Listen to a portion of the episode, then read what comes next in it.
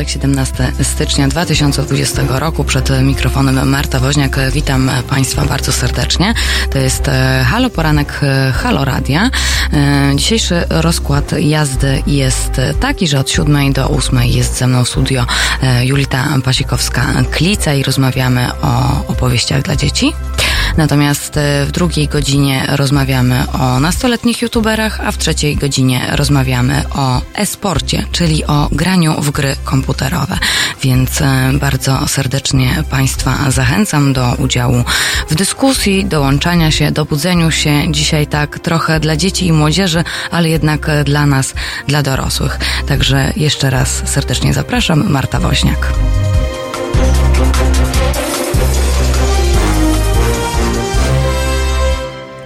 Jeszcze raz dzień dobry, halo słuchacze, przed mikrofonem Marta Woźniak. E, ja tutaj e, będę Państwu przypominać, jak się można z nami kontaktować, bo to jest akurat kluczowe. Jeżeli chcieliby się Państwo podzielić takimi bajkami z dzieciństwa, które Państwo pamiętają, no to tutaj oczywiście e, jest, jesteśmy, tak, numer telefonu jest dla Was, dla Państwa do dyspozycji, czyli tutaj przypominam 22, to jest kierunkowy do Warszawy, 390 59 22.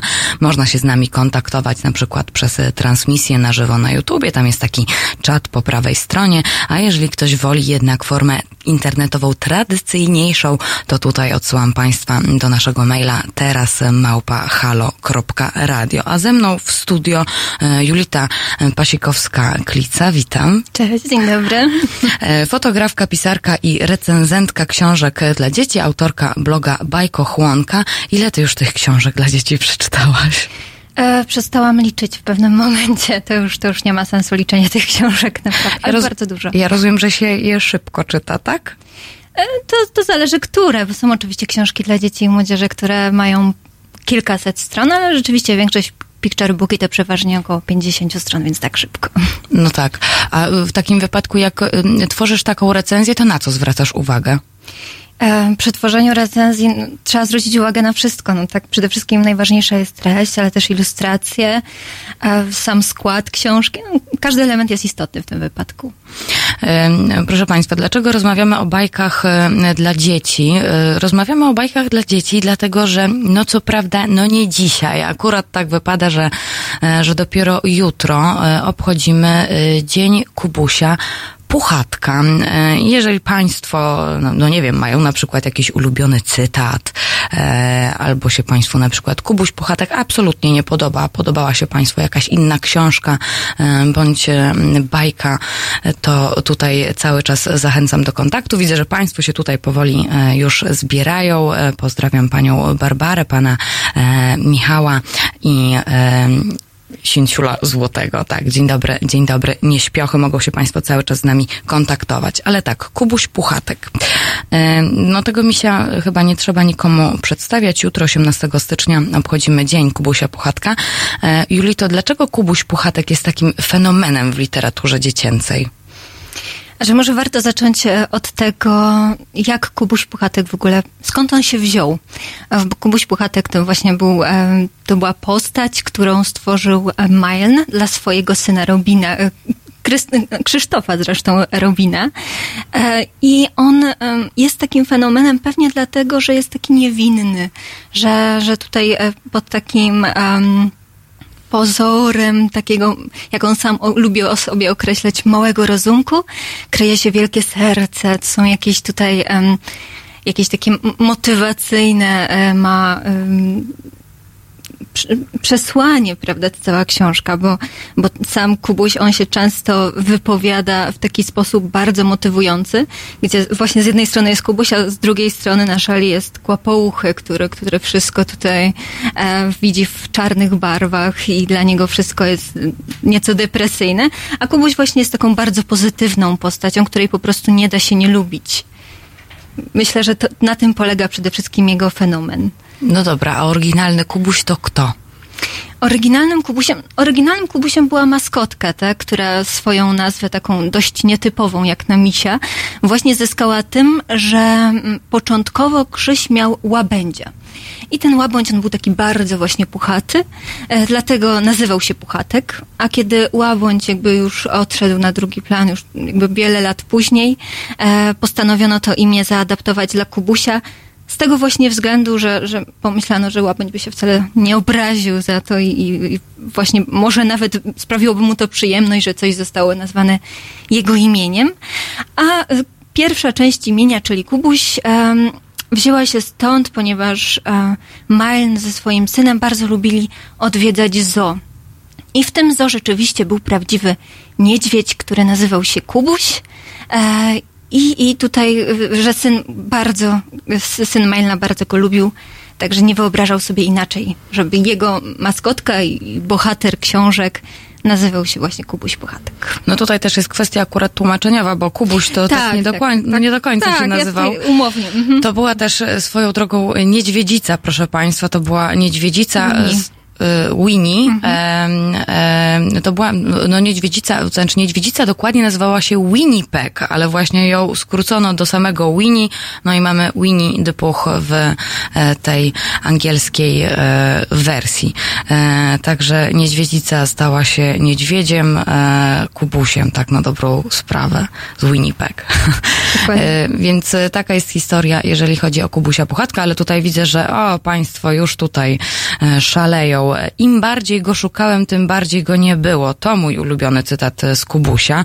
E, to akurat e, Sinsiul Złoty napisał, a pani Barbara e, pytanie, z którą postacią z Kubusia Puchatka się utożsamiasz? Ja z Kłapouchem, a tutaj Sinsiul z Tygryskiem. Ja nie wiem, z którą postacią się właściwie utożsamiam.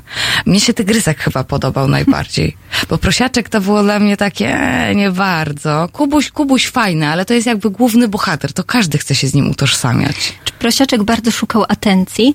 E, tygrysek pojawił się dopiero w drugiej części Kubusia Puchatka, czyli właśnie w chatce Puchatka. Ona, ona jakby wyszła dwa lata po, czyli no, już w 1928 roku e, wyszła chatka Puchatka i rzeczywiście Tygrysek był takim niespodziewanym gościem, który zaskoczył wszystkich mieszkańców stumilowego, tudzież stuwiekowego lasu.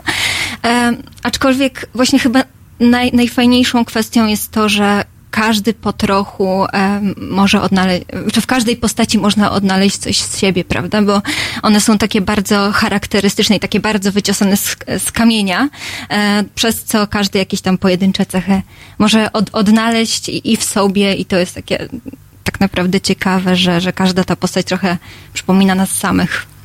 Ja chciałam jeszcze Państwu opowiedzieć trochę o no, tragicznej części właściwie tej książki Kupusia Pochatka. Ty znasz e, historię samego Krzysia, który, dla którego e, Mail napisał, e, no, dla swojego syna napisał książkę. E, to jest, e, no, to jest, to jest, to jest historia dość smutna, dlatego, że w ogóle też stumi, stumilowy bądź stuwiekowy, tak? Tak. Stuwiekowy las to była, to była trochę, no, posiadłość e, Majlnów, e, którzy kupili jak Krzyś miał, e, jak Krzyś miał 5 lat. No jak miał tam 8 czy 7 czy 8, ojciec napisał mu książeczkę dla dzieci o właśnie o Kubusiu Puchatku. No i okazuje się, że na chwilę został małym celebrytą, bo nikt nie spodziewał się, że powieść zdobędzie taką popularność. E, no i wszyscy zjeżdżali do tego prawdziwego, stumilowego, stuwiekowego lasu. No i w pewnym momencie prawdziwemu Krzysiowi przestało się to podobać. E, I e, na złość ojcu, no jak już był, on był strasznie wytykany był palcami. Dzieci cytowały mu właśnie jakieś kwestie Kubusia, czy Krzysia, czy tam prosiaczka, czy sowy. Więc, więc on nie miał życia jako dziecko, a później e, skończyło się to tym, że jako już dorosły, e, dorosły, no młody, dorosły człowiek stwierdził, że na złość ojcu e, nie zostanie tym, kim on chce. On chyba chciał, żeby był lekarzem, ale teraz nie jestem pewna, to jest do sprawdzenia, proszę Państwa. A później, a później poszedł do wojska na złość ojcu, bo tam nie było ważne, czy ty jesteś tym, tym Krzysiem, tylko jesteś po prostu żołnierzem. I później po wojnie akurat tytułowy, znaczy tytułowy Krzysiu prawdziwy stwierdził, że no nie chce się odzywać do ojca. Nawet nie korzystał z pieniędzy, z których akurat rodzice zarobili na, na książce tej historii akurat nie słyszałam, no ale można powiedzieć, że każda słowa ma swoją cenę. I w tym przypadku, no intencje jakby taty były jak najlepsze, że to się tak potoczyło, to myślę, że nikt nie mógł mieć na to większego wpływu. Szkoda, no ale tutaj myślę, że, że jakby też po latach Krzyś może powrócił i sentymentalnie wracał do Kubusia już jakby w, w cieniu sławy. E, jak stworzyć historię e, dla dziecka, jak stworzyć historię, e, fajną opowieść, taką uniwersalną i ponadczasową, to o tym już za chwilę po Rolling Stonesach.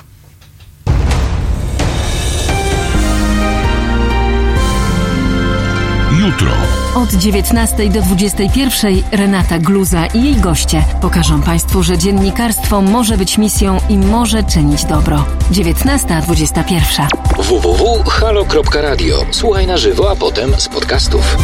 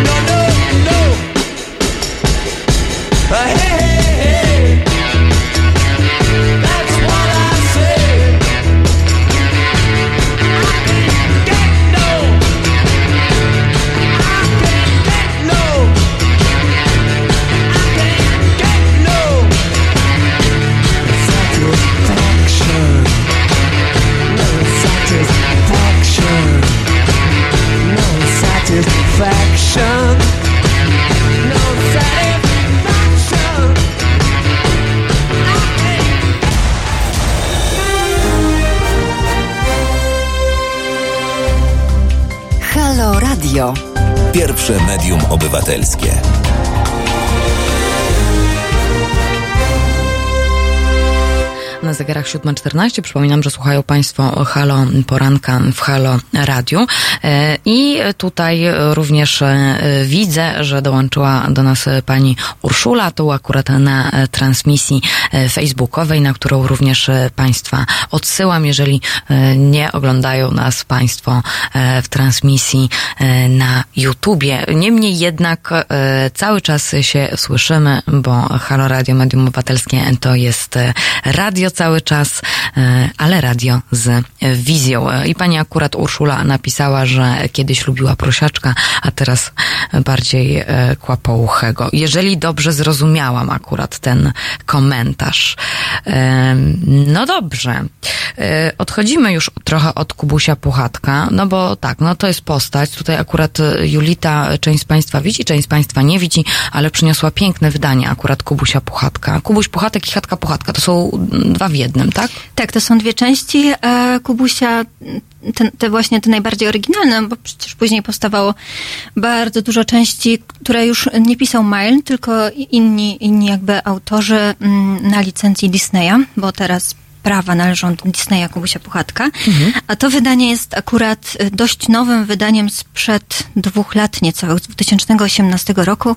Nasza księgarnia wznowiła e, i, i tutaj z oryginalnymi ilustracjami Sheparda też warto dodać, e, jest takie wydanie powstało. Jest piękne, no, to jest chyba najlepsze, moje ulubione na pewno.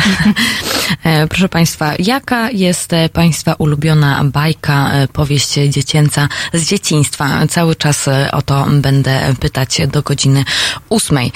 No to teraz tak, kiedyś Kubuś Puchatek, mm, no a teraz jakie są trendy? Co dzieci chcą, lubią czytać? E, ciężko, ciężko w ogóle powiedzieć o jakichś trendach e, w literaturze dziecięcej.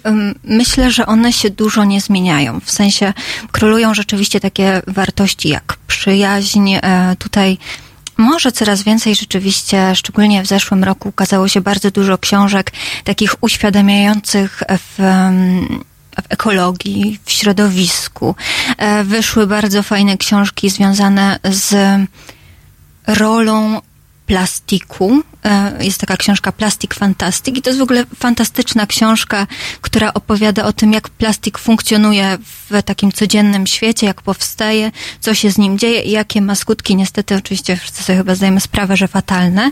Mm, e, powstała książka, która się nazywa Śmieciogród i też jakby uświadamia dzieci w taki, mm, w taki bardzo prosty przekaz e, ze świetnymi ilustracjami. Mówi o tym, jak, jak dużo śmieci powstaje, ale też co my możemy zrobić, żeby te śmieci e, trochę zredukować w naszym codziennym życiu. No, no więc to jest kwestia ekologiczna, ale są też, e, też cieszą się popularnością od lat. Może nawet teraz jest taka, taki, taki wzrost zainteresowania książkami typu pop-up, czyli takimi... Co to znaczy? To są takie książki, które się otwiera i wyskakują różne elementy. Takie trójwymiarowe książki. Mhm. I to jest strasznie fajne połączenie takiej właśnie um, klasycznej książki z, z, tutaj z klasycznym tekstem, ale też pewnego rodzaju zabawką, tak? No to jest jakaś forma przestrzenna, coś się dzieje, coś się porusza zazwyczaj, prawda, jak się prze, przewraca kartki, um, więc dzieci bardzo lubią tego typu, e, tego typu książki. Mhm.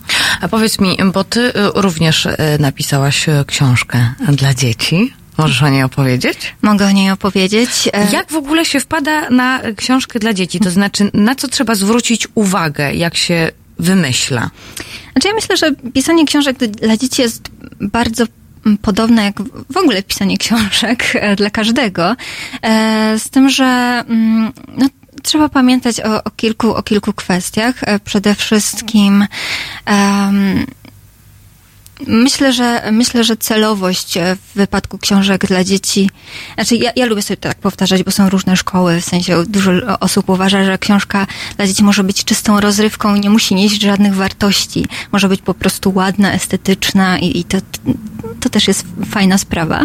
Ale dobrze, jeżeli e, książka dla dzieci ma jakiś ukryty przekaz, mniej lub bardziej. Może to być jakaś delikatna myśl przewodnia, coś, co pozwoli dzieciom nauczyć się czegoś o świecie, poznać jakieś nowe, nowe zjawiska e, i przede wszystkim uświadamiać, uświadomić w jakichś konkretnych dziedzinach. E, Ale ogólnie sam proces wygląda bardzo podobnie. Często też taka książka powstaje na skutek, nie wiem, zaobserwowania jakiejś sytuacji, jakiejś drobnej, albo właśnie e, z potrzeby y, potrzeby, nie wiem, na przykład bardzo często rodzice szukają książki o jakimś określonym temacie, em, która pomoże im, nie wiem, przejść przez jakieś tymczasowe mm, trudności, nie wiem, czy, czy to będzie przeprowadzka, czy na przykład pójście do przedszkola pierwszy raz i w takim wypadku książka, gdzie bohater przeżywa dokładnie to samo, może bardzo pomóc. A twoja książka jest o czym? E, moja książka jest em, o księżycu, który. mm, Znaczy, ogólnie chciałam e, właśnie zawrzeć taką myśl, że czasami e, osoby, które podziwiamy w jakiś sposób i chcemy się z nimi przyjaźnić, e, szczególnie właśnie jak się jest dzieckiem albo w takim wieku dorastania, to, niektóre osoby, które cieszą się większą popularnością, czujemy taką potrzebę bycia blisko z nimi. Chociaż bardzo często okazuje się, że, że przy bliższym poznaniu w ogóle nie mamy wspólnych tematów i to jest po prostu tylko taka, taka otoczka, która sprawia, że, że mamy potrzebę bycia z nimi blisko, a tak naprawdę e, osoba, z którą moglibyśmy się zaprzyjaźnić jest na przykład albo nieśmiała, albo mm, gdzieś ukrywa się e, w cieniu e, popularności innych, a to ona jest najbardziej wartościowa dla nas i z nią e, moglibyśmy e, najprzyjemniej się dogadywać. I właśnie Księżyc trochę to przeżył, w sensie, że on był zafascynowany słońcem, e, które, z którym chciał nawiązać bardzo, bardzo silną relację. No ale słońce takich księżyców, jak on to widział, już bardzo dużo, więc nie było zainteresowane rozwijaniem e, te, te, tego kontaktu. No a co się dalej potoczyło, to ja myślę, że ktoś będzie miał ochotę, to przeczyta, ale właśnie to jest kwestia takiej em, z jednej strony samotności, no bo księżyc jest sam na niebie i to jest takie oczywiste, kiedy patrzy się, prze, e, patrzy się nocą na niego, a z drugiej strony to jest właśnie takie dążenie do bycia lubianym i, i po prostu posiadania przyjaciela. Mhm. A powiedz mi, bo tak, po tych książek podejrzewam, że w ciągu roku to setki czytasz, jeżeli nie więcej. E, powiedz mi, na co trzeba zwrócić uwagę, idąc do sklepu i wybierając e, książeczkę dla dzieci? Znaczy ja zawsze polecam e, przed e, w ogóle przeczytaniem e, książki dziecku, żeby przeczytać ją samemu, bo w 90% przypadków te książki są naprawdę świetne i, i wartościowe, ale są takie książki, które na przykład mogą zaskoczyć treścią. Bardzo dużo rodziców, ja nie mówię, że to jest złe, ale bardzo dużo rodzicom nie podoba się, kiedy w książce pojawia się mm, fragment, że jakiś rodzic skarcił dziecko, na przykład bijąc. Nie no wiadomo, jest to dosyć kontrowersyjna sprawa, a są, jest bardzo dużo takich książek, w których jednak to się pojawia, że, że jakiś rodzic wychowuje swoje swoje Że jest książkowe jakaś dziecko. kara po prostu. Znaczy kara... Cielesna. e, Tak, kara cielesna. To jest jakby ch- chyba ta kwestia, że tutaj te metody wychowawcze różnią się po prostu od naszych i nie do końca byśmy chcieli, żeby nasze dziecko um, może nie zdawało sobie sprawy, ale po prostu myślało, że może zostać ukarane w ten sposób za coś, za jakieś przewinienie, tak? Mhm. A jeżeli tak, y, no mamy, mamy mało czasu na zakupy, albo na przykład tutaj akurat odnoszę się do osób starszych, na przykład babcie i dziadkowie, jakby chcieli wybrać dla wnuka e, właśnie książeczkę, to właśnie czym powinni się kierować. Tutaj też jest kwestia, no bo rozumiem, że są takie, no wiadomo, że to, to też zależy od wieku i na każdej książce jest e, napisane e, mniej więcej Nie na każdej, ale tak na większości jest oznaczenie wieku. Mhm. T- to y, tutaj raczej powinni brać pod uwagę, o, że są ładne ilustracje, czy faktycznie zagłębić się, o czym dokładnie jest ta książka? W sensie, jak tutaj pomóc? Bo przecież tych książek teraz na rynku jest od groma. Ostatnio byłam u mojej znajomej, która ma trzymiesięczną córeczkę. E, No i stwierdziłam, że kupowanie książeczki e, to przecież może już też tyle mieć, e, bo to też są chyba dla tych takich dzieci najmłodszych takie czarno-białe, Kontrastowe. takie Mhm. kontrastowe i no i przecież gdzie ja bym wiedziała, co mam wybrać? Znaczy tak, no w takich przypadkach oczywiście mogę polecić e, blogi recenzenckie, które Mhm. są e, chyba najprostszym sposobem, żeby dowiedzieć się, żeby też przede wszystkim, jeżeli kupuje się ksią- książkę przez internet, żeby ją trochę zobaczyć w środku, bo to też nam trochę powie więcej o książce, ale też żeby, żeby przeczytać o czym ona jest, czego ona dotyczy e, i właśnie dla jakiego wieku jest najbardziej odpowiednia. Bardzo też polecam, zanim kupi się książkę, a a nie jest się jej pewnym, pójść do biblioteki, wypożyczyć ją, zobaczyć, czy ona się sprawdza.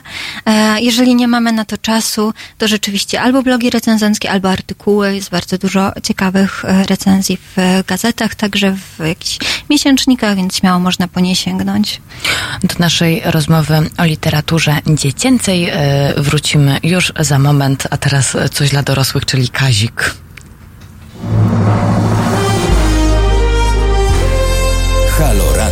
Witajcie z tej strony Adam Nergaldarski. Jestem w Halo Radio. To jedyny tego typu projekt w Polsce. Istnieje dzięki naszym wpłatom. Dlatego warto go wspierać. Powodzenia. www.halo.radio ukośnik SOS.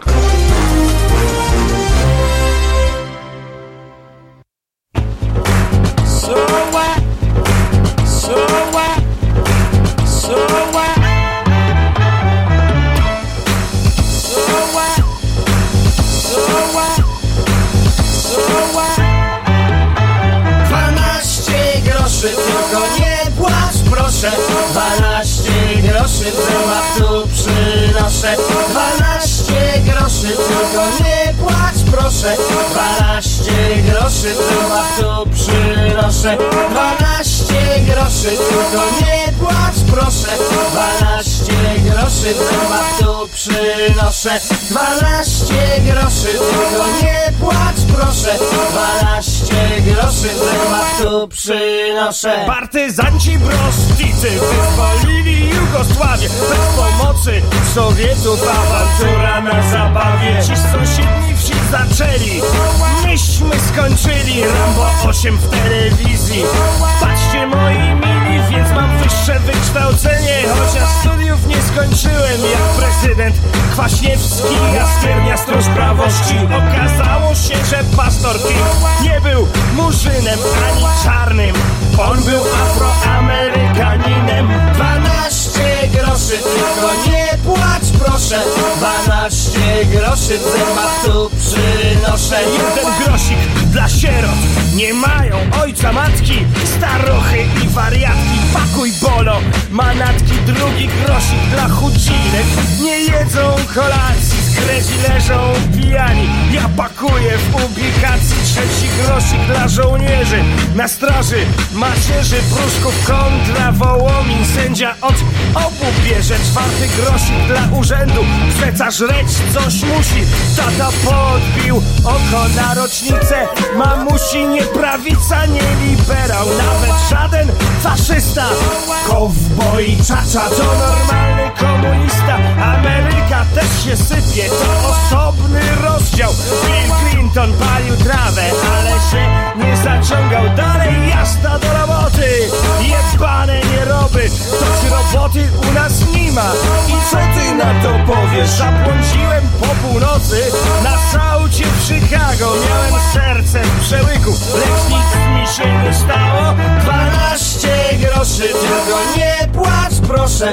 12 groszy w zębach tu przynoszę. Piąty grosik dla policji, to żyjemy. Bezpieczniej wypił litra i stoi. Taki to mój podopieczny. Szósty grosik na pomniki tworzący historię. Magdalena, gdy popije, robi laskę gdzie byle siódmy grosik dla lekarzy. Nóż co złego się zdarzy. Kto najlepiej gra na wieśle? Otóż ja gram całkiem nieźle. Ósmy grosik dla księdza w parafii nędza.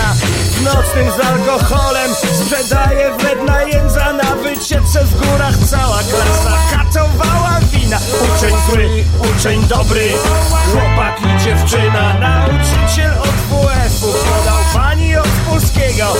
Film jej się urwał, nie pamięta niczego. Tata, dwa tata Kazika. Niedługo przyjdzie pora. Tata Kazika kontra Hadora na kolanach chamy. Śpiewa Lucjan Pavarotti. Święcicki kopnął mu parę moich nowych często vomit Ja wam powiem moi mili Dobra metoda Wypić rosół przed wszystkimi Pot śmierdzi spod Pach na sali syf Aż strach Tak bawią się ludzie O złotych zębach A najlepsza fryzura Jeśli wiecie Krótko z przodu, długo z tyłu I wąsy na przecie Scyzoryk, scyzoryk Tak na mnie wołają. Logowiecki i Brzozowicz To się na muzyce znają. Ej, 12 groszy, tylko nie płacz proszę 12 groszy w zębach tu przynoszę. Dziewiąty grosz stryjowi, nie licho się narobił. Co to za wegetarianin, co wpierdala schabowe? Dziesiąty grosz dla Jadzi, niech se Jadzia wsadzi Ona ma siłę oraz nieleczoną anginę grosz dzieciowi. Może wpuści do budynku. Szósta noc, bezsenna Amfetamina na rynku.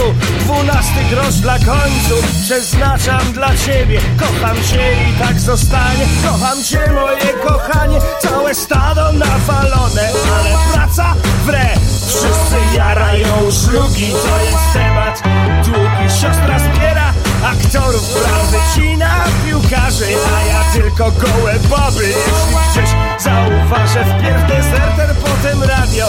Muzyczna jedynka Kto się tam pokazuje. Tego ja nie szanuję. I festiwal Sopocie ochlaj i wyżerka Ile kasy dać dziadowi O zniszczonych nerkach. Adamu, Adamu Cały czas ma długi.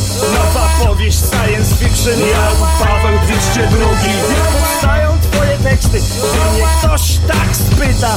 Za kurwie zlaczka I poprawię z kopyta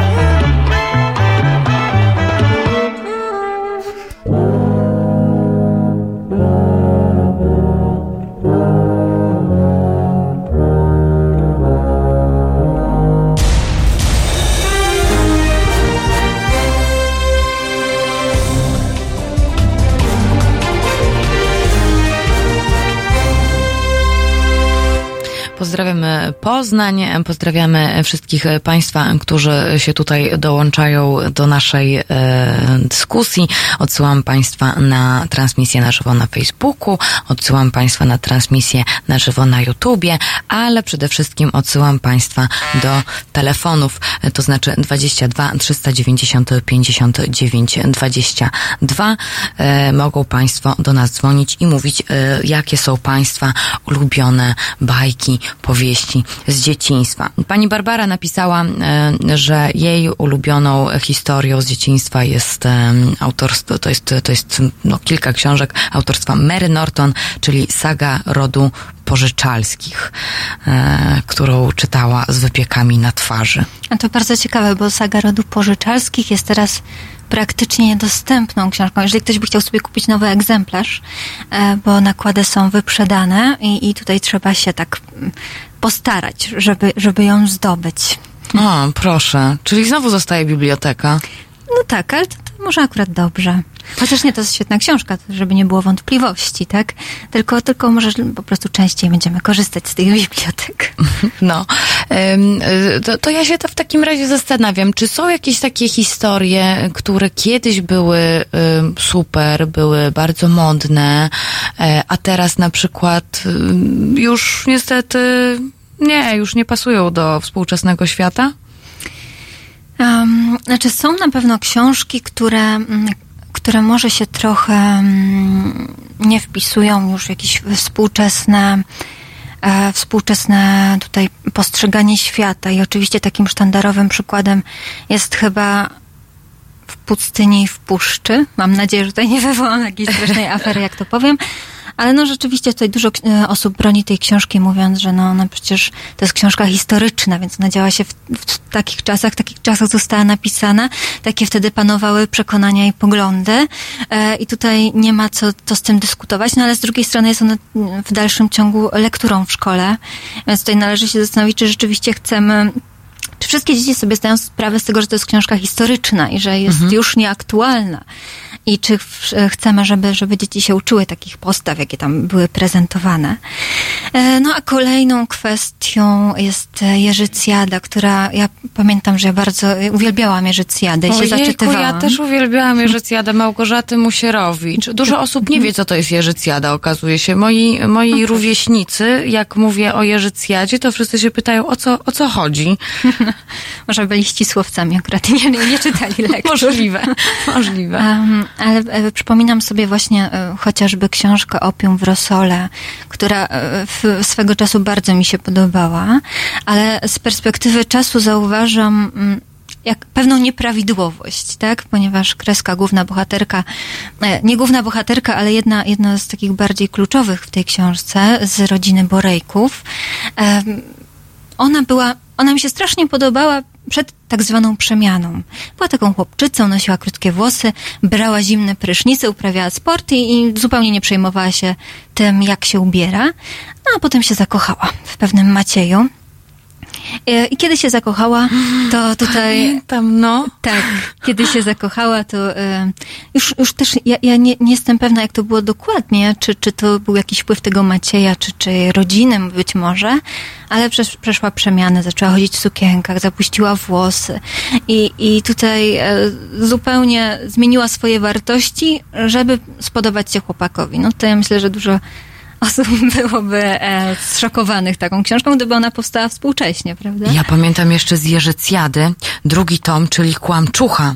Tam była ta Aniela, ona się chyba nazywała. I ja pamiętam, że ona jechała do jakiegoś chłopaka, do jakiegoś innego miasta, czy do innej dzielnicy, bo teraz to już nie pamiętam. Rzecz dzieje się oczywiście, może nie oczywiście, ale rzecz dzieje się w Poznaniu. Tutaj jest właściwie taka saga rodu Borejków i tam osób dookoła nich. To tak e, w skrócie mówiąc, e, co to jest Jerzycjada. Tych tomów to jest, ja nie wiem, już z 20, tak mi się wydaje. Oj, chyba nawet więcej. Albo nawet i więcej. proszę ciągle państwa. powstają nowe. I ciągle powstają. Małgorzata Musierowicz nie przestaje po prostu ich pisać. W każdym razie ta kłamczucha, Aniela, to ona naprawdę różnego rodzaju podstępów, żeby właśnie pojechać do jakiegoś chłopaka, czy tam, żeby on na nią zwrócił uwagę. To faktycznie okropne. No ale to też kiedy to powstawało. Tak, no, no to, to już jakiś czas temu rzeczywiście e, one, one powstały, no ale już ma co najmniej chyba 30 lat. tak, no ale z drugiej strony ciągle nie wychodzą z mody, one ciągle, ciągle są e, dodrukowywane, no powstają nowe edycje ich, e, no więc ludzie lubią, nie wiem, czy właśnie jest to kwestia sentymentu, czy... Ojej, ja wiesz, ja miałam taki plan, że jak będę miała dziecko, że jak y, y, to będzie, no bo to jest taka raczej literatura dla, dla, dla dziewcząt, tak mi się wydaje. Chłopcy to tak niekoniecznie lubili Jerzycjadę. Pamiętam moi koledzy ze szkoły, im się to nie podobało. I ja miałam taki plan, że ja, wiesz, że cała jedna półka to będzie Jerzycjada, a teraz no, mam pewne wątpliwości. No nic, no zobaczymy, wyjdzie w praniu. Tak, właśnie też te, teraz wy- wydano takie wy- wydania, które można rzeczywiście sobie postawić na całej szerokości półki. Wszystkie są takie same, wszystkie do siebie pasują, one rzeczywiście bardzo ładnie wyglądają. Ale ja bym radziła je samemu przeczytać, zanim e, najpierw, zanim e, i sobie przypomnieć, o czym one były, zanim da się je do przeczytania dzieciom. Ale też e, inną kwestią jest e, to, czy książki, które są, nie wiem, stricte dla dziewczyn, to są naprawdę takie dobre książki. W sensie, co to znaczy? E, teraz też e, coraz częściej i autorzy, i, i czytelnicy starają się odchodzić od takiego e, katego, kategoryzowania. To są książki dla, dzie- dla, dla, dla dziewczynek, a to są, chłopcy, e, to są książki dla chłopców, tak? No bo dlaczego dziewczynka miałaby na, nie, nie czytać e, książek o samochodach albo... Ja czytałam pana samochodzika, to było super. No tak, no ja też, O, ja też to było czytałam pana ekstra. Sam- Dokładnie. Ale to no, można było powiedzieć, że to, to były takie książki w sumie dla chłopców, prawda? No tak, masz rację. Masz rację. Proszę Państwa, cały czas czekamy pod numerem e, telefonu 22 390 59 22. Czytamy pod, czekamy pod mailem teraz małpa halo.radio. No i e, czekamy e, z Państwa opowieściami, doświadczeniami literackimi z czasów młodości, z czasów, jak byli Państwo dziećmi, bo to są zawsze takie, to są fajne wspomnienia po prostu. Natomiast tak, mm, porozmawiałyśmy o tym też, jak czytać dzieciom. E, A chciałabym wrócić i nawiązać, tak troszeczkę zajawić. Oho, tutaj e, Kimer e, napisał, etam dla dziewcząt, ja Jerzycjadę ogarnąłem całą z pięć lat temu, a mam cztery dychy. No i Kimer, co o tym sądzisz? Fajne czy nie fajne? E, No i który, który, które, która z Borejków jest najfajniejsza? Ja lubiłam Gabrielę bardzo. Ona była najstarsza i taka, taka, taka mądra. E, Więc Jerzycjada Borejkowie. Natomiast chciałam się e, zapytać, a propos, była kiedyś taka akcja Poczytaj mi mamo. No i to była bardzo fajna i bardzo y, potrzebna akcja, bo faktycznie rodzice brali te książeczki i wieczorem czytali dzieciom.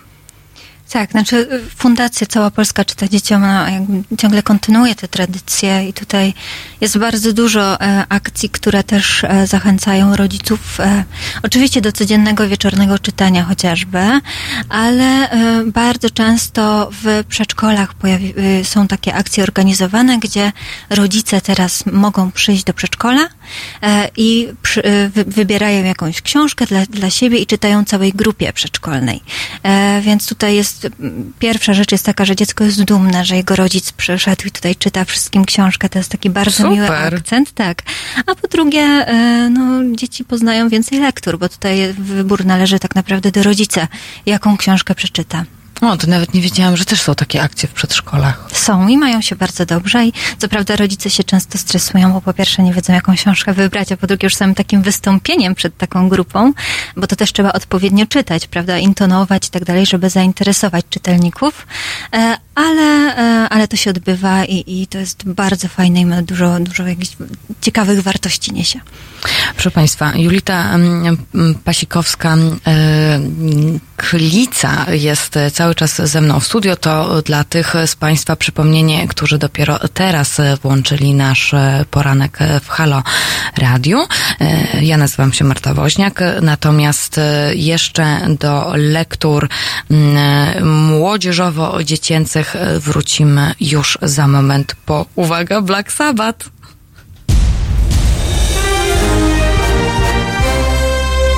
Dziś Między 17 a 19 Agnieszka Żądło da upust swojej reporterskiej pasji. 17-19. www.halo.radio. Słuchaj na żywo, a potem z podcastów.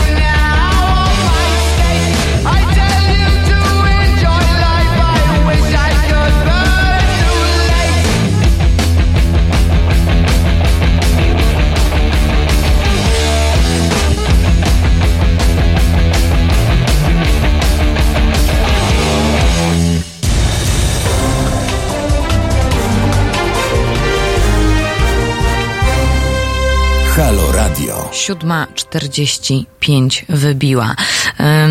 Pan Jan napisał Mark Twain Przygody Tomka Sawyera, czytana przez dzieciaki, a w zamyśle autora napisana dla dorosłych. E, No i pan Piotr przywitał się również z nami. E, Mój wewnętrzny reksio zamienia się jak zwykle w słuch. Panie Piotrze, rozmawiamy o literaturze dziecięcej, e, rozmawiamy o literaturze dla młodzieży, bo jutro jest Dzień Kubusia Puchatka, to tak Państwu jeszcze przypomnę, ale zanim e, wjechał nam tutaj e, Black Sabbath, to tak, e, akcja Poczytaj mi mamo, cała Polska czyta dzieciom, jest e, fajna, słuszna i szlachetna, ale czy faktycznie od wieczornej lektury, mm, czy faktycznie od wieczornej lektury dzieci same sięgają po książki? Znaczy, mm, czytanie dzieciom jest ważne dlatego, że buduje się z dziećmi więź. Ale to wcale nie oznacza, że dzieci dzięki temu będą w dorosłym albo w, kiedy będą trochę starsze, one będą czytać, prawda? Samodzielnie, będą samodzielnie sięgać po książki.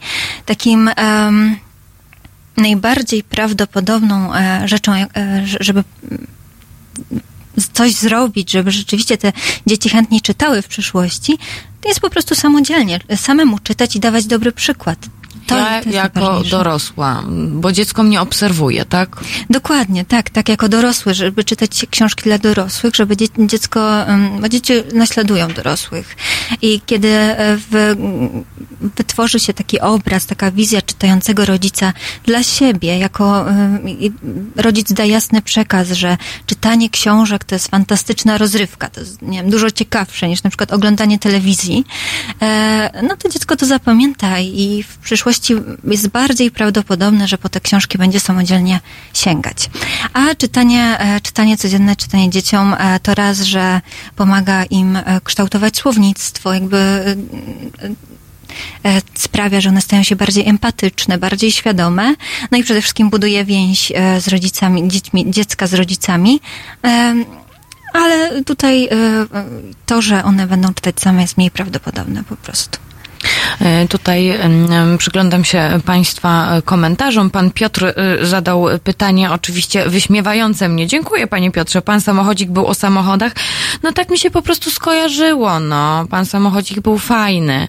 Był tam jakiś taki. Ja pamiętam, była taka, e, miałam taką wersję książki, gdzie była taka, bo ja oczywiście nie pamiętam za bardzo treści. E, Była taka historia pana samochodzika z jakąś szachownicą, czy coś w tym rodzaju i Była. Była taka, i był, pamiętam taki obrazek jak przez mgłę, właśnie z takim czarnym, podłużnym samochodem. Wyglądał jak sportowy, ale no to jest jednak pamięć dziecięca. Ja chyba najbardziej pamiętam zabawę w podchody i poszukiwania skarbów. Ale to też było, no nie sięgałam chyba już prawie 15 lat po tą książkę, więc no, ciężko, ciężko sobie jakieś detale przypomnieć. E, Tutaj pani Patrycja też napisała, ja bardzo lubiłam przygody Nieumiałka i jego przyjaciół Nikołaja Nosowa. Natomiast e, Kimer napisał, ulubiona postać z Jerzycjady? Hmm, chyba Kreska i Aurelia. Czyli znowu tutaj e, wracamy do Jerzycjady. Fajnie, że państwo czytali te same książki, co my. A czasami też fajnie, że państwo nie czytali tych samych książek, co my. E, No, e, to Julita, powiedz mi, jakie są takie trzy najbardziej nieśmiertelne książki według ciebie, gdzie zawsze, e, no bo jako recenzentka książek właśnie dla dzieci i młodzieży, to znasz się na tym najlepiej. Jakie są takie trzy najbardziej nieśmiertelne książki?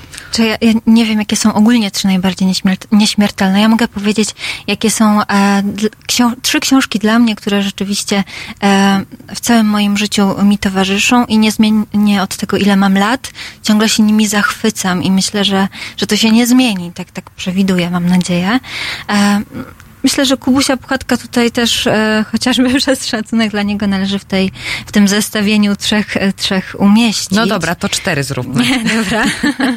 E, Myślę, że e, jest, jest taki zbiór baśni, Bajarka opowiada i, i w moim życiu e, od, dzieci, od dzieciństwa baśnie były strasznie ważne i s- strasznie mnie fascynowały.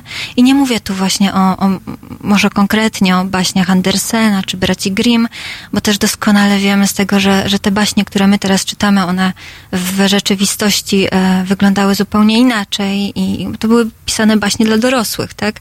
Potem je zaadaptowano na bajki dla dzieci. Baśnie braci Grimm były przerażające. Były przerażające, ale one miały być przerażające, bo one miały spełniać, spełniać konkretną funkcję, prawda? Mm, Aczkolwiek jest bardzo dużo baśni z całego świata, które, które są e, piękne i właśnie ten zbiór baśni Bajarka opowiada e, jest doskonałym zbiorem baśni, e, opowiastek, które można czytać niezależnie od wieku tak naprawdę, bo są rzeczywiście wybrane, mm, wybrane do niego opowiadania, które które są, spełnia, spełniają swoją rolę w różnym wieku i, i nie są bardzo straszne, trochę są, ale to, to dobrze. E, Kolejną książką, e, którą bym umieściła w tym zestawieniu, e, są Dzieci z Bullerbyn. Dzieci z Tak, wszyscy chyba, wszyscy chyba tak reagują na ten tytuł, bo one, to jest taka niesamowicie ciepła książka, która daje poczucie bezpieczeństwa i którą się czyta wspaniale i powracają takie dziecięce wspomnienia, nasze własne też. Czy ty też tak miałaś, że też chciałaś mieszkać tak, wiesz, przy ulicy z jakimiś swoimi innymi przyjaciółmi i tam two... No nie, no po prostu Tak, dzieci z się Bullerben były super. zbożu. Biegać, tak, tak, no oczywiście tutaj, ja też e, moje dzieciństwo, część mojego dzieci, dzieciństwa spędziłam na wsi, więc ja się sama bardzo utoż, utożsamiałam e, z Lisą i z jej przyjaciółmi, e, więc to, to jest druga książka. E, trzecia książka, hmm, trudny wybór, no na przykład można tutaj, e, można tutaj... em, Tutaj powiedzieć- Gregory House napisał, ja to z kolei uwielbiałem Piotrusia Pana. Mhm. Tak, no Piotruś Pan też jest taką książką, która myślę, że przetrwa jeszcze długi, długi, długi czas, bo ona też już ma, ma swoje lata, prawda? Um, nie wiem, jakoś trzecia, trzecia książka, teraz mam mętli w głowie. Nie chcę mówić o, o e, Harrym Potterze, chociaż tutaj on się cieszy ogromną... No tak, no bo właściwie po, powstały y, nowe historie, e, nowe historie, które, e, które jednak mają ogromną popularność. No i Harry Potter należy. Tak, on, on myślę, że się on na dość długi czas wpisał jakby w ten... E, no i już teraz można mówić o nim, że jest klasyką, tak? No oczywiście jest młodą klasyką, ale, ale e, czytają go tak naprawdę już dwa pokolenia e, ludzi, tak, czytelników. Mm, A teraz jeszcze pomyślałam, że warto może wspomnieć o czym szumią wierzby która jest piękną książką, albo wieży, wieży Nowym Grodzie. One są, teoretycznie są bardzo podobne, tak? Bo tutaj bohaterami są zwierzęta, które prowadzą sobie takie spokojne, niespieszne życie. I to jest właśnie też, to są książki, które dają takie poczucie bezpieczeństwa czytelnikowi i one są fantastyczne na przykład do wieczornego czytania dzieciom, ale też do czytania sam, samemu sobie. Ja ostatnio czytałam obie e, i świetnie się bawiłam, mimo że już mam 30 lat. Prawda? A słuchaj, klasyka, klasyk, czyli Mały Książę. O właśnie, tak, tak. Mały książę to, to oczywiście konie- koniecznie. No, na, najbardziej, e, najbardziej tutaj trafna, trafny wybór wypadł mi z głowy, ale o małym księ, księciu też trzeba pamiętać. Ale tutaj myślę, że akurat będzie takie e, miłe i sympatyczne zakończenie właśnie do samego Kubusia Puchatka, bo e, Kubusia Puchatka tutaj Państwu na samym początku naszej rozmowy e, cytowali swoje ulubione cytaty mądrości Kubusia i jego przyjaciół. Natomiast z Małym Księciem jest dokładnie tak samo. Tak. E, Też może ma, łatwiej po prostu Kubusia Puchatka, jakieś e, kolejne przygody były wymyślane, jest więcej bohaterów tutaj można było, było większe e, pole manewru niż w Małym Księciu. Tam, to była, tam jednak zakończenie było dosyć definitywne, aczkolwiek też właśnie cytaty z Małego Księcia krążą i, i ludzie się nimi inspirują, jak całą książką. No tak, proszę Państwa, więc zaczęliśmy nasz e, halopiątkowy haloporanek e, bajkowo, e, młodzieżowo. No i to właściwie tyle. Natomiast ja zachęcam cały czas Państwa, żeby Państwo z nami zostali do godziny 10, bo teraz będzie coś mm, o starszych e, dzieciach, o młodzieży właściwie. E, natomiast, e, natomiast tutaj odsyłam, jeżeli mają Państwo jakiś problem z wyborem książki dla kogoś z rodziny, dla Państwa własnych pociech, no to tutaj akurat odsyłam na bloga Bajko Chłonka, em, która tutaj z nami, ze mną jest w tym momencie. No i, e, a jeżeli komuś e, ten, e, ta audycja by się przydała, to tutaj już po kilku godzinach od zakończenia naszego poranka będą mogli Państwo podesłać tej osobie zainteresowanej literaturą e, dziecięcą i młodzieżową e, podcast. E, Oczywiście będzie on dostępny na halo.radio, zakładka audycje, zakładka podcasty. Julito, bardzo Ci dziękuję. Też bardzo dziękuję, było bardzo miło. O, to się cieszę. Może nie tak do końca bajkowo, jak w wszystkich pięknych opowieściach, o których dzisiaj opowiedziałyśmy, ale, Ale prawie. Ale prawie, ale prawie, to jest najważniejsze. Dziękuję, Julita Pasikowska-Klica. Odsyłam na jej bloga Bajko Chłonka, natomiast my teraz e, czekamy na godzinę ósmą z Pearl Jamem. Halo Radio. Nazywam się Adam Bodnar, pełnię funkcję Rzecznika Praw Obywatelskich. Zachęcam Państwa do wspierania Halo Radio.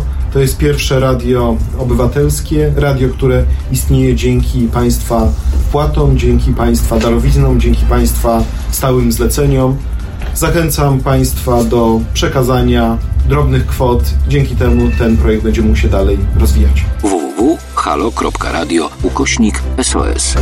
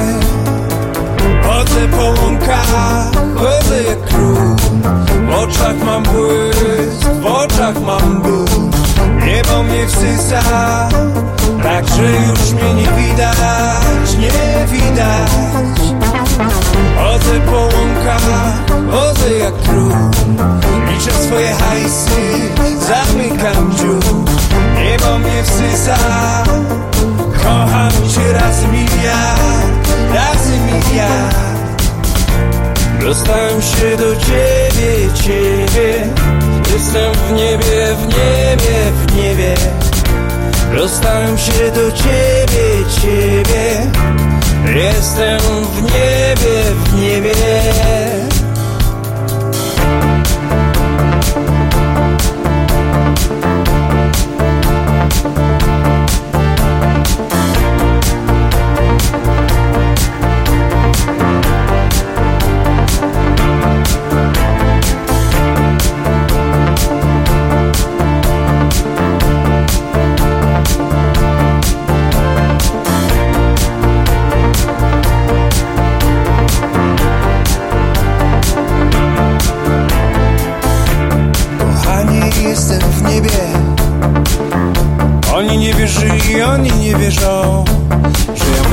dostać się tam Do ciebie.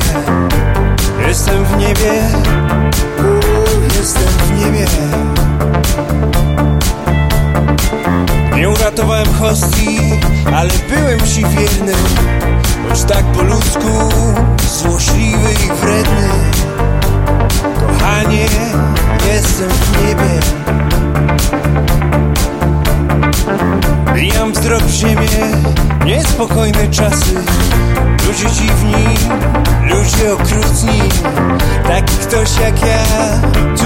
pasuje. Dostałem się do ciebie.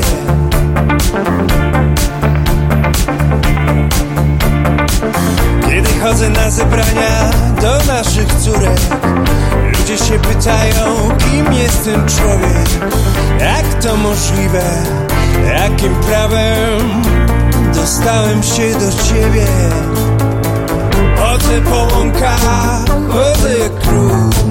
W oczach mam błysk, w oczach mam ból Niebo mnie wsysa, tak że już mnie nie widać, nie widać. Po łąkach, chodzę jak król. Liczę swoje hajsy, zamykam dziób. Niebo mnie wsysa, kocham cię razy miliard, razy miliard Dostałem się do ciebie, ciebie. Jestem w niebie, w niebie, w niebie. Dostałem się do ciebie, ciebie. Jestem w niebie, w niebie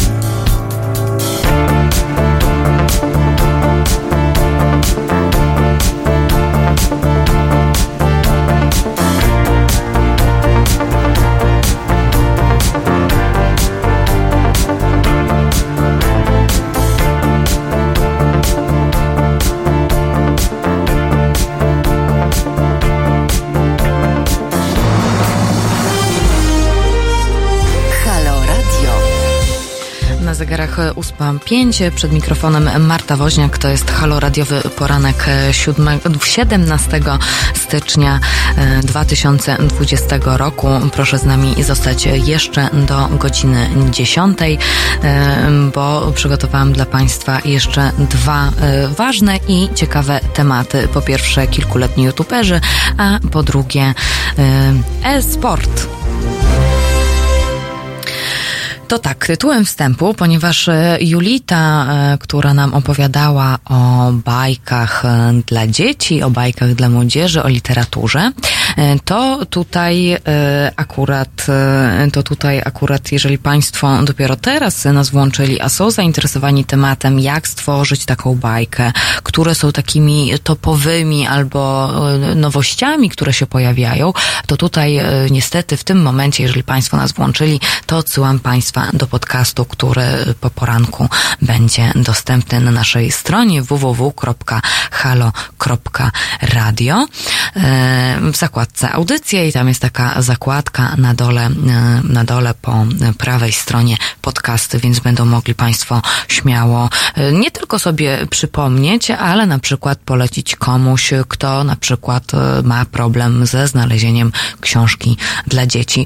Cały czas, no jakby konkluzja wydaje mi się po spotkaniu z Julitą Pasikowską-Klicą jest taka, że klasyki, klasyki i jeszcze raz klasyki warto wybierać, ale niektóre z pozycji książkowych no są już po prostu przestarzałe. Ale jakie, Państwo nie słyszeli, to tutaj odsyłam do odświeżenia sobie właśnie podcastu po naszym poranku.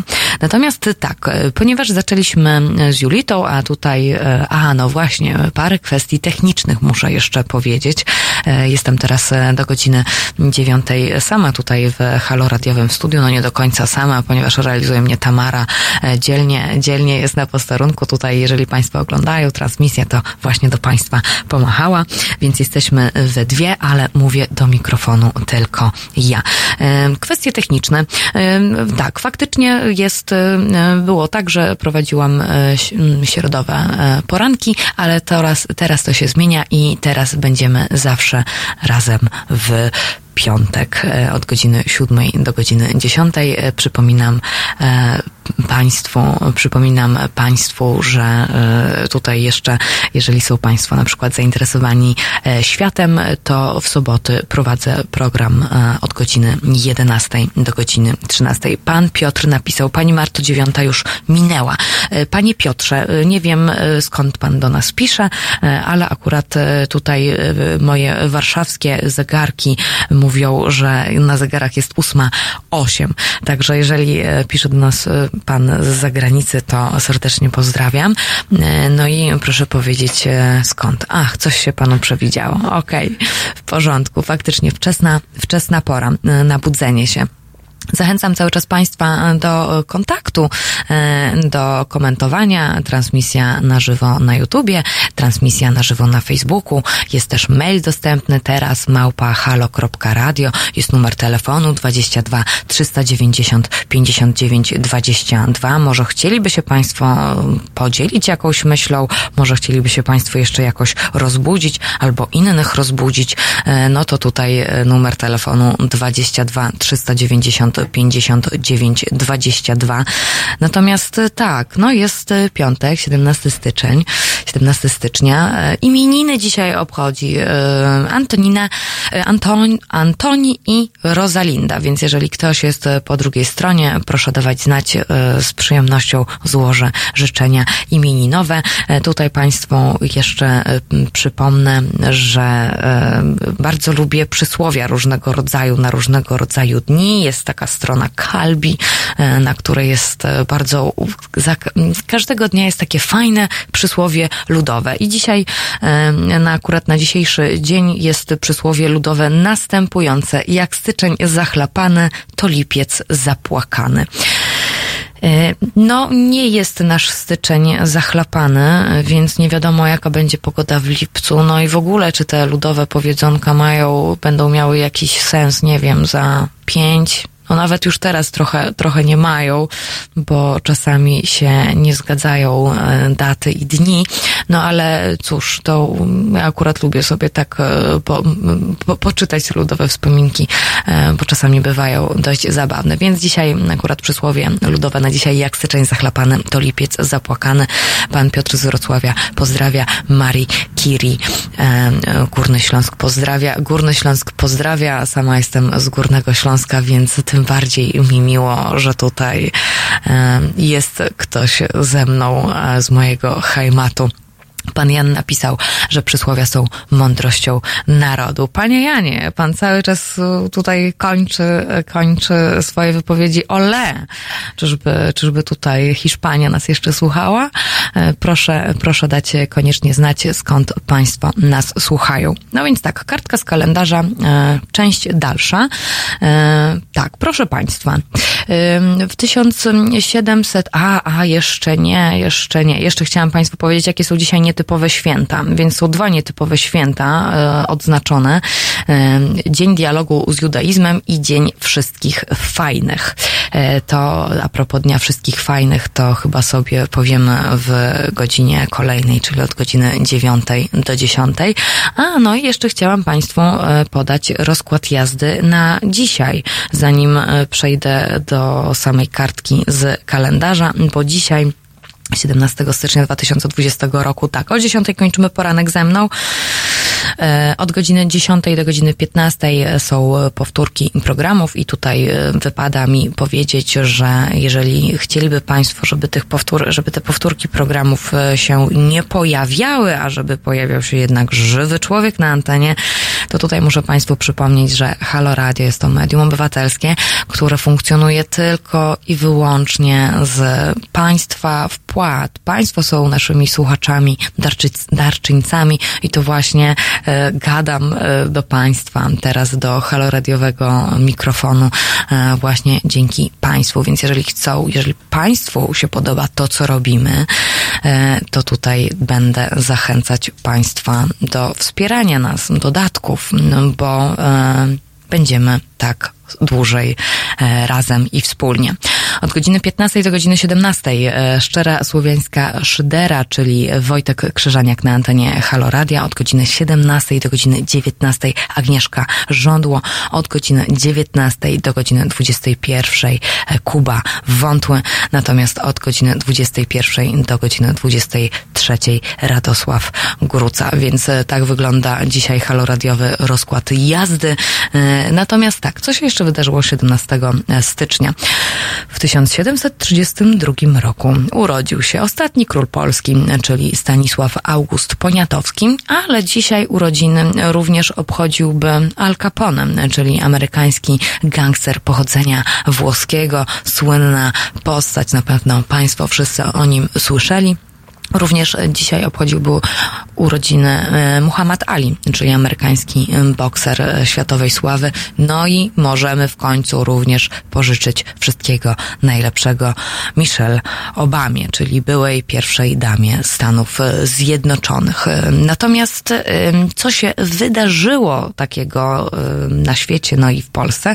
Proszę Państwa, w 1784 roku w krakowskiej dzielnicy Wesoła rozpoczęły się eksperymenty z balonem na ogrzane powietrze. No i w efekcie tego wszystkiego mamy styczeń e, i dopiero w kwietniu, czyli 1 kwietnia 1784 roku e, balon wzniósł się na wysokość około e, no prawie 5000 metrów i utrzymywał się w powietrzu przez 33 minuty. W 1000 teraz informacja dla melomanów. W 1969 roku, 17 stycznia ukazał się album Yellow Submarine grupy The Beatles. Natomiast w 1971 roku, to tak teraz wracamy do dzieci, na antenie em, telewizji polskiej wyemitowano premierowe wydanie programu przyrodniczego z kamerą wśród zwierząt. Proszę Państwa, e, na zegarach e, 8.14. E, Zanim przejdziemy do tematu kilkuletnich youtuberów, e, ja zostawiam Państwa z R.E.M.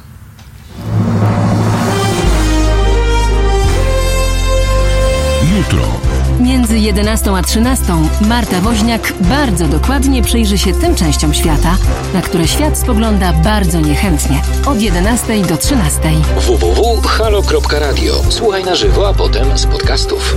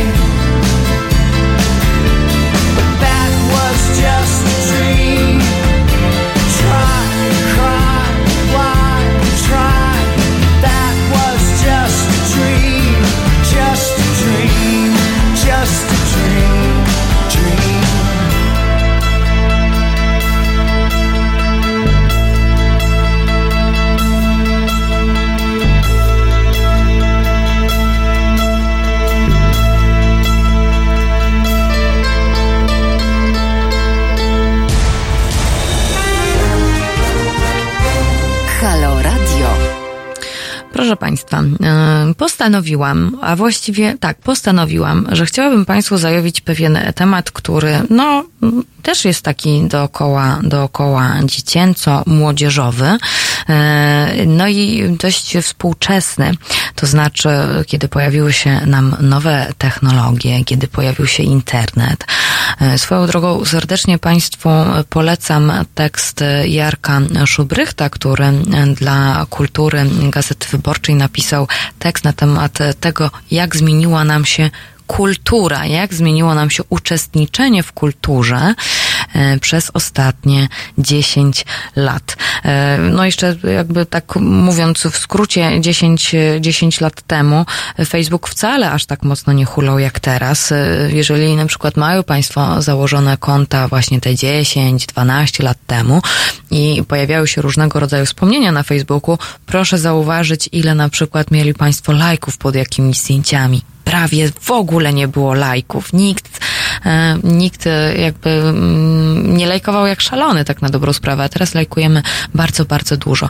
To taki trend do rozmowy, która już za chwilę i liczę na Państwa, bo proszę Państwa, jestem tutaj teraz sama do godziny dziewiątej, więc liczę na Państwa aktywność, liczę na Państwa komentarze i liczę na Państwa telefony. Przypominam numer do studia 22 390 59 22. A liczę dlatego, że temat jest ym, wydaje mi się ciekawy i mało poruszany w mediach, albo w ogóle nie poruszany, a właściwie w ogóle nie poruszany. Bo tak, mówi się o tych, mówi się o youtuberach. To jest taka jakby nowa forma. Mm, Teraz, no telewizja, mm, ja akurat z telewizji nie korzystam od 15 lat, e, co może się wydawać dla e, niektórych dziwne. E, Niemniej jednak, kiedy już jestem u kogoś, gdzie ta telewizja jest, to patrzę się w ekran jak w obrazek. E, Natomiast e, jeżeli mówimy o młodzieży, no to nie trzeba czekać już o młodzieży, o dzieciach właściwie. No nie trzeba już czekać na swoją ulubioną bajkę, tylko po prostu odpalamy komputer, odpalamy laptopa, my jako dorośli coś tam klikamy, klikamy i później ona leci. E, I dziecko ogląda swoją ulubioną bajkę, nie ma tego takiego motywu mm, z czekaniem, z oczekiwaniem na konkretną porę, na konkretną godzinę. No ale e, wraz z takimi ułatwieniami e, dla rodziców, no to pojawia się też taki serwis jak YouTube. E, Wszyscy Państwo go znają. No YouTube funkcjonuje na takiej zasadzie, no YouTube też właśnie, Jarek Szuprych w tym swoim tekście też napisał bardzo ciekawą rzecz, a mianowicie kiedyś było tak, że żeby posłuchać muzyki, dowiedzieć się co jest taką nowinką, to trzeba było jednak włączyć takie MTV, Music Television, e, które od kilku lat już nie ma w swoim haśle music. E, Niestety, a zawsze był źródłem e, po prostu informacji, natomiast e, informacji muzycznych e, dla melomanów. Natomiast e, sytuacja wygląda tak, że teraz YouTube zastępuje nam po prostu wszystko.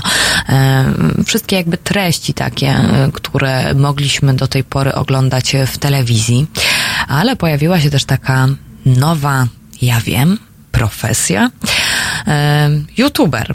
E, Jeżeli mm, okazuje się, że kilkulatkowie e, bardzo chętnie oglądają innych, inne osoby dorosłe albo młodzież, która opowiada, no nie wiem, na przykład o tym, jak jej minął dzień, na przykład o tym, co teraz czyta. E, I sami też chętnie sięgamy po takie treści. E, Niemniej jednak e, jest pewna, wydaje mi się, i to jest moje takie osobiste odczucie, dość niepokojąca, niepokojąca grupa youtuberów, czyli, czyli kilkuletni youtuberzy, mali youtuberzy. Em, Żeby tutaj uściśle, żeby mieć konto na YouTubie i swój własny kanał, żeby móc go e, prowadzić, jest coś takiego jak YouTube plus 13, trzeba mieć ukończony 13 rok życia. No ale co zrobić, jeżeli nasze dziecko chce być YouTuberem? Em, Ja co prawda już w rodzinie nie mam akurat kilkulatków, bo już no tak, już mamy wszystkie osoby dorosłe. Niemniej jednak, e, kiedy dowiaduję się, jak moi znajomi m, czy państwo e, spotykają się ze swoją rodziną, e, ze swoimi chrześniakami, siostrzenicami, bratankami e, i tak dalej, to okazuje się, że dzieci, co mnie naprawdę no, zaskakuje bardzo mocno, wszyscy, wszystkie dzieci chcą zostać youtuberami. Czy to niepokojące, czy niepokojące, e, proszę dawać znać w komentarzach e, pod numerem telefonu 22 390 59 22, bo wydaje mi się, że to jest e, dość ciekawa sprawa. No i tak, no jak dziecko chce zostać youtuberem, no to oczywiście pojawiają się pytania. Zabronić, nie zabronić. No dobrze, będę to kontrolować. No i pojawiają się kilkuletni youtuberzy, Jest ich dość sporo. Kilkuletni, to znaczy mam na myśli tacy do 13 roku życia, ale głównie są to e, dzieci 7-9 lat. E, No i oczywiście nie jest to jakieś nie wiadomo co, no bo, mm, że tak powiem, w Stanach Zjednoczonych czy na zachodzie Europy e, jest dość sporo e, małych youtuberów, no i oni, no, o, no o czym takie dziecko może powiedzieć? No pierwsze, co się nasuwa, to jak się bawi, czym się bawi. Więc jest to wspaniała pożywka dla producentów, e, dla producentów e, zabawek, żeby e, takie dzieci akurat promowały nasze produkty. E, Tutaj e, całkiem niedawno, e, co chwilę właściwie pojawiają się informacje na temat tego, mm, co chwilę pojawiają się informacje na temat tego, ile dzieci kilkuletnie potrafią zarabiać na YouTubie.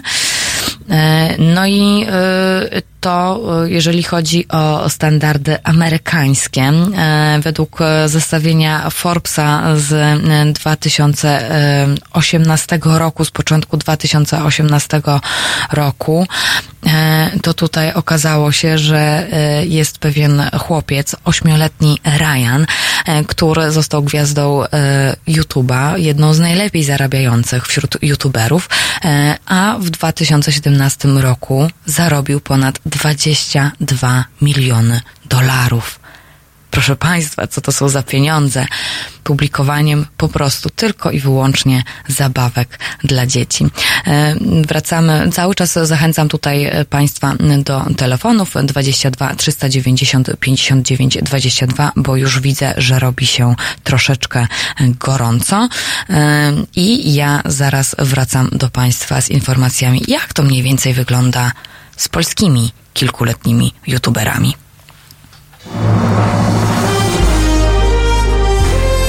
Halo Radio.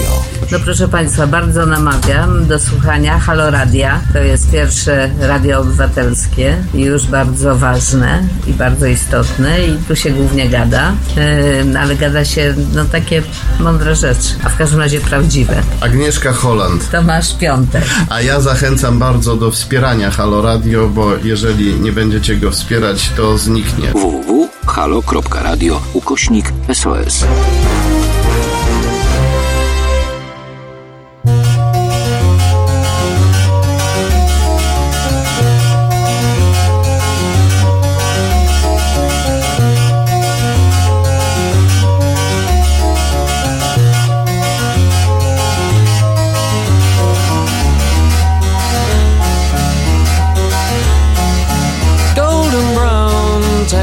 Like sun lays me down with my mind. She runs throughout the night.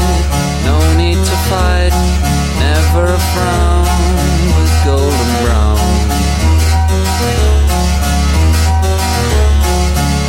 Every time just like the last on her ship tied to the mast to distant lands takes both my hands never a frown with golden brown.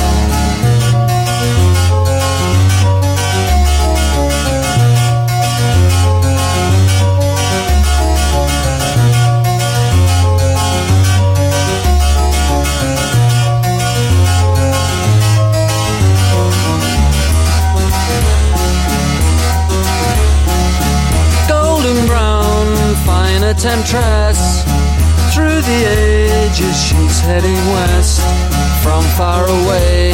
Stays for a day, never a frown with golden brown.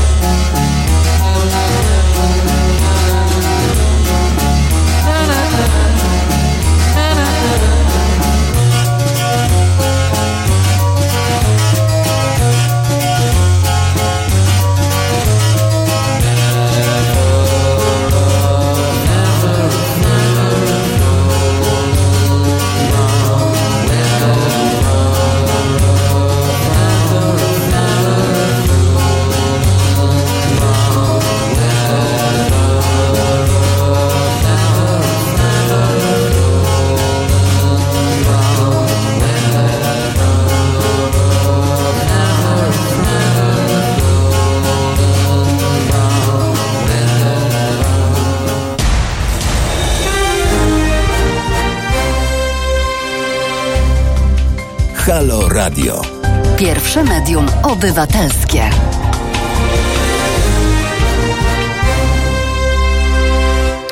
Wybiła 8.31. Rozmawiamy o kilkuletnich youtuberach, o pieniądzach, ale też za chwilę porozmawiamy sobie o pewnych konsekwencjach, o których rodzice nie pamiętają. No więc z tym YouTube'owym kanałem wygląda to mniej więcej tak, że trzeba, że jeżeli się ma mniej lat, a się bardzo chce być tym YouTuberem, no to jednak tutaj mama, tata muszą wyrazić zgodę. No i, no i tak, no i oni wyrażają zgodę, no i tam kontrolują różnego rodzaju rzeczy. I czasami dochodzi do strasznie kuriozalnych sytuacji, bo jeżeli Państwo sobie prześledzą tych kilkuletnich youtuberów, chociażby jedną dziewczynkę, o której będę chciała dzisiaj troszeczkę dłużej porozmawiać, czyli Hejka Tulenka, no to mam wrażenie, że to rodzice prowadzą kanał i wykorzystują swoje dziecko do zarabiania no, potężnych pieniędzy, ale mogę się mylić. Jeżeli mają Państwo jakieś inne zdanie, to tutaj proszę dawać koniecznie znać, a Państwo dają znać. Kimer napisał nie niepokojące, fantastyczne. Nie niepokojące, to znaczy chodziło mi o to, czy to jest niepokojące z tym YouTube'em, że tam dzieci z niego korzystają i tak dalej. Pan Maciej napisał chęć zarabiania łatwych pieniędzy, to przyciąga nastolatków. Panie Macieju, trochę tak i trochę nie, bo czasami okazuje się, gdybyśmy posłucha posłuchali albo sami na przykład zajęli się teraz swoją promocją, na przykład swojego super pomysłu, no nie wiem, bloga o książkach dla literatury, znaczy literatury młodzieżowej, albo no nie wiem, gotowaniem, albo czymś takim, żeby innym pokazywać, to to jest bardzo, bardzo ciężka praca, żeby jednak ktoś nas zauważył. Oho, tutaj mamy telefon czy ktoś do, do nas dzwoni. Cały czas przypominam Państwu, że mogą Państwo do nas dzwonić 22 390 59 22, a teraz na antenie słyszę się z kim? Dzień dobry, jak zwykle Katarzyna o poranku, tylko po raz pierwszy u pani redaktor. Dzień dobry pani Katarzyno. Akurat temat, o którym pani mówi, znajomy mi podsunął, tylko proszę wybaczyć, nie wiem, nie pamiętam, gdzie, gdzie było, był film właśnie o chłopcu. O młodym youtuberze i zapytał mnie, co o tym myślę. Mhm. Ja już mam dorosłego syna. Syna, który kończył pierwszą szkołę o profilu yy, artystycznym. Powiem szczerze, że nasze parcie dorosłych na wykreowanie naszych dzieci jest przerażające. Mhm. Ale też oprócz tego, że są mali youtuberzy, gdzie tak jak pani powiedziała, to rodzice muszą wyrazić zgodę, gdzie też tak jak ktoś napisał w jednym z e, komentarzy, nie wiem czy to jest łatwa kasa, bo nigdy, nigdy mnie to nie interesowało, nigdy nie chciałam być youtuberką i moje dziecko też nigdy nie chciało być youtuberem, przynajmniej do tej pory. Mhm. Więc nie wiem jaka to jest skala, łatwo, trudno. Ale proszę Państwa, ile razy się ekscytujemy na przykład y, mam talent dziecięcym albo jakąś małą mis. To jest tylko ta różnica, że to jest niszowe, natomiast tu każdy ma dostęp. My napędzamy to wszystko. Bardzo dziękuję y, y, halo słuchaczowi, który wczoraj y, polecił film Hejtowanie świata. Obejrzałam to w nocy. Jestem zmrożona. E, Czy mogłaby Pani Jakie informacje się ona o czym, nie co to za film? zbiera? Y, No to było akurat o zbieraniu informacji z Facebooka, bo między innymi powiedziała Pani dzisiaj, też wspomniała Pani o Facebooku. Nie zdawałam sobie sprawy, jakie informacje, w jaki sposób się zbiera informacje o nas, wszystkie kliki, jakie dajemy. No tu klikamy również oczywiście pod Halo Radio, prawda? Subujemy i tak dalej, i tak dalej. Jak jesteśmy bardzo profilowani. To jest dla mnie przerażające. I z drugiej strony mamy właśnie młodych youtuberów, czy wręcz nawet małych youtuberów. Mamy dzieci na Facebookach, mamy dzieci na przeróżnych profilach i sami nie mamy pojęcia, jak wygląda świat przez każdy klik, który robimy. Mhm. I Pani właściwie odejmuje mi mowę, więc posłucham, co pani redaktor nam powie jak, o konsekwencjach przeróżnych. E, Pani serdecznie. Tak, czy mogłaby Pani jeszcze raz przypomnieć ten e, film, e, który y, warto hejtowanie zobaczyć? świata, jeżeli dobrze pamiętam, y, y, tytuł chyba, chyba dobrze pamiętam. Czyli hejtowanie świata. Pani Katarzyno, bardzo dziękuję za ten Hakowanie, telefon. przepraszam, nie hejtowanie, hakowanie A, okej. świata, przepraszam. Hakowanie świata, hakowanie świata, poprawiamy się. E, też zobaczę, bo e, nie e, widziałam go i również o nim nie słyszałam, ale skoro pani poleca, to ja tutaj w takim razie nadrobię, odrobię zadanie domowe. Bardzo pani Katarzyno dziękuję za ten telefon i państwu również przypominam, że mogą państwo do nas dzwonić 22 390 59 22. No i widzę, że tutaj państwo również w komentarzach dość sporo dość sporo yy, napisali. Niech no tylko zerknę. Pan Piotr napisał, kiedy ci młodzi ludzie mają poznawać świat i siebie samego, jak już od najmłodszych lat chcą koniecznie przede wszystkim pokazywać się innym. Trochę im współczuję. Wydaje mi się, no ja nie jestem psychologiem, yy, psycholożką, ale wydaje mi się, że to też bardzo dużo zależy od e, rodziców, o to jak my dzieciom pokazujemy świat i co chcemy, żeby one robiły.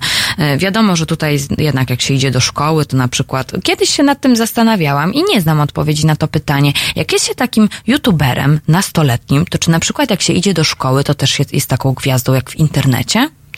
E, Z kimś rozmawiałam na ten temat i e, podobno, no niekoniecznie. To jest jednak sława internetowa, a internet to nie jest takie życie namacalne, takie, że ja teraz tutaj sobie siedzę w studiu i z Państwem rozmawiam. No niekoniecznie.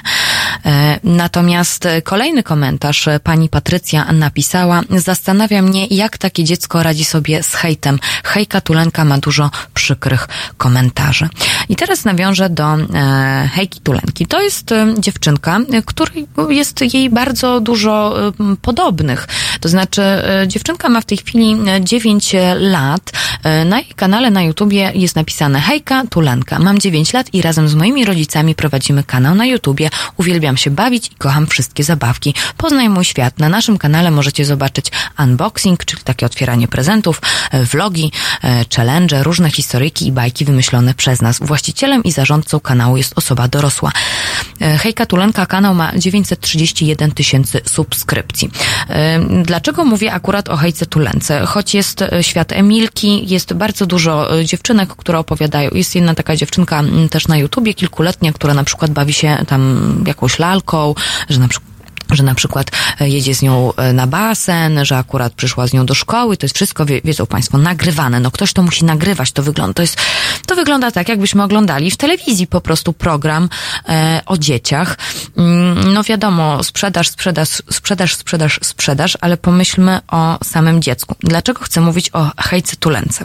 Kiedy na to trafiłam, No to ja sobie oczywiście nie, no to jakieś 2-3 lata temu, nie zdawałam sobie sprawy w ogóle, że no tak, no faktycznie, no przecież skoro są starsi youtuberzy, to też mus, musi się pojawić taka nisza, albo nawet i nie nisza, mniejszych youtuberów. Em, No i y, trafiłam na tą Hejkę Tulenkę. Okazuje się, że e, pojawiają się również, e, no i co, co- się tam dzieje po prostu na tych, e, no, mogą Państwo sobie znaleźć, to niekoniecznie możemy tutaj przywoływać Hejkę Tulenkę, ale akurat chcę o tym opowiedzieć, dlatego że to dotyczy akurat tego konkretnego kanału na YouTubie. Pojawiło się, mm, wiedzą Państwo, co to jest hejt. Niejednokrotnie w Halo Radio na ten temat rozmawialiśmy. E, Widzi się to e, również e, na Facebooku, ale pojawiają się również tak zwane filmiki hejterskie, które jedna, jedna osoba zaczyna jakby punktować błędy drugiej osobie, bo jej po prostu nie lubi. Proszę Państwa, to również nie omija najmłodszych, kilkuletnich youtuberów. E, W przypadku Hejki Tulenki, my jako dorośli, jakby komentarze, teraz to one są już wyłączone, ale wtedy, kiedy ja znalazłam ten kanał, to było tam może nam się wydawać, że jak to jest w ogóle możliwe, że takie dziecko prowadzi, że to jest takie profesjonalne, wina rodziców, wina rodziców. No to ma jakby swoich określonych odbiorców. Mm, Określonych odbiorców, którzy to chcą, a odbiorcami są podobni, e, podobni do tej dziewczynki Lenki. To są kilkuletnie dziewczynki lub chłopcy, którzy e, komentowali wtedy, bo teraz już te komentarze są wyłączone, komentowali, hej Lenka, czy mogłabyś mnie na przykład pozdrowić w następnym filmiku, cześć, bardzo lubię twoje filmy, e, wow, ale masz ładny pokój i tym podobne, i tym podobne, i tym podobne. No w sumie nic dziwnego, jeżeli chodzi o tego typu komentarze. Natomiast komentarze, które dla mnie były e, zaskakujące, no to tutaj jednak hejterskie się pojawiają. Hejterskie się pojawiają e, bez dwóch zdań, ale mało tego. Komentarze to komentarze, ale pojawiają się również filmiki hejterskie od innych kilkuletnich youtuberów, którzy właściwie również powinni mieć zgodę swoich rodziców na prowadzenie kanału, bo przecież to osoba dorosła powinna prowadzić kanał i wszystko powinno być zgodnie z prawem, ale okazuje się, że niekoniecznie. Trafiłam na taki filmik, to był jeden z pierwszych, e, jakaś dziewczynka, która była trochę starsza od tej rzeczonej przed chwilą Lenki. Trafiłam na filmik, który się nazywa Hejt na Hejkę Tulenkę. To był kanał dziewczynki, która się nazywała Fashion Yolo. I ta dziewczynka, która, mm, no, moją uwagę zwróciło również to, jak, w jaki sposób jest nagrany ten filmik. E, Był on chyba nagrany telefonem, więc jakość tutaj była dość kiepska. Mm, Dziewczynka była no, sama w pokoju, mm, kolorowego, niczego takiego jakoś dookoła nie było. I zaczęła mówić, że e, właśnie ta hejka tulenka to jest w ogóle okropna, bo wykorzystuje swoich rodziców do tego, żeby się ciągle z nią bawili i tak dalej, i tak dalej. Że w ogóle ten jej pokój taki różowy, że już właściwie powinna z tego wyrosnąć. Proszę Państwa, to mówi kilkuletnia dziewczynka. Ona chyba miała 10-11 lat, czy 12. E, Wyśmiewała też e, Lenkę, że nie powinna w ogóle prowadzić kanału na YouTubie, no bo jest po prostu za mała. I w tym momencie też, nie wiem, czy Państwo pamiętają ze swoich lat dziecięcych, jak Państwo się kłócili ze swoimi kolegami, koleżankami na podwórku czy w szkole. W tym momencie, kiedyś to była taka nasza strefa prywatna, a w tym momencie wszystko przenosi się do internetu i wszyscy to oglądamy. Widzę, że Państwo e, dość sporo napisali, e, więc ja wracam do komentarzy, natomiast e, Państwa zostawiam ze Mumford Sons i wracamy do rozmowy o młodych youtuberach już za moment.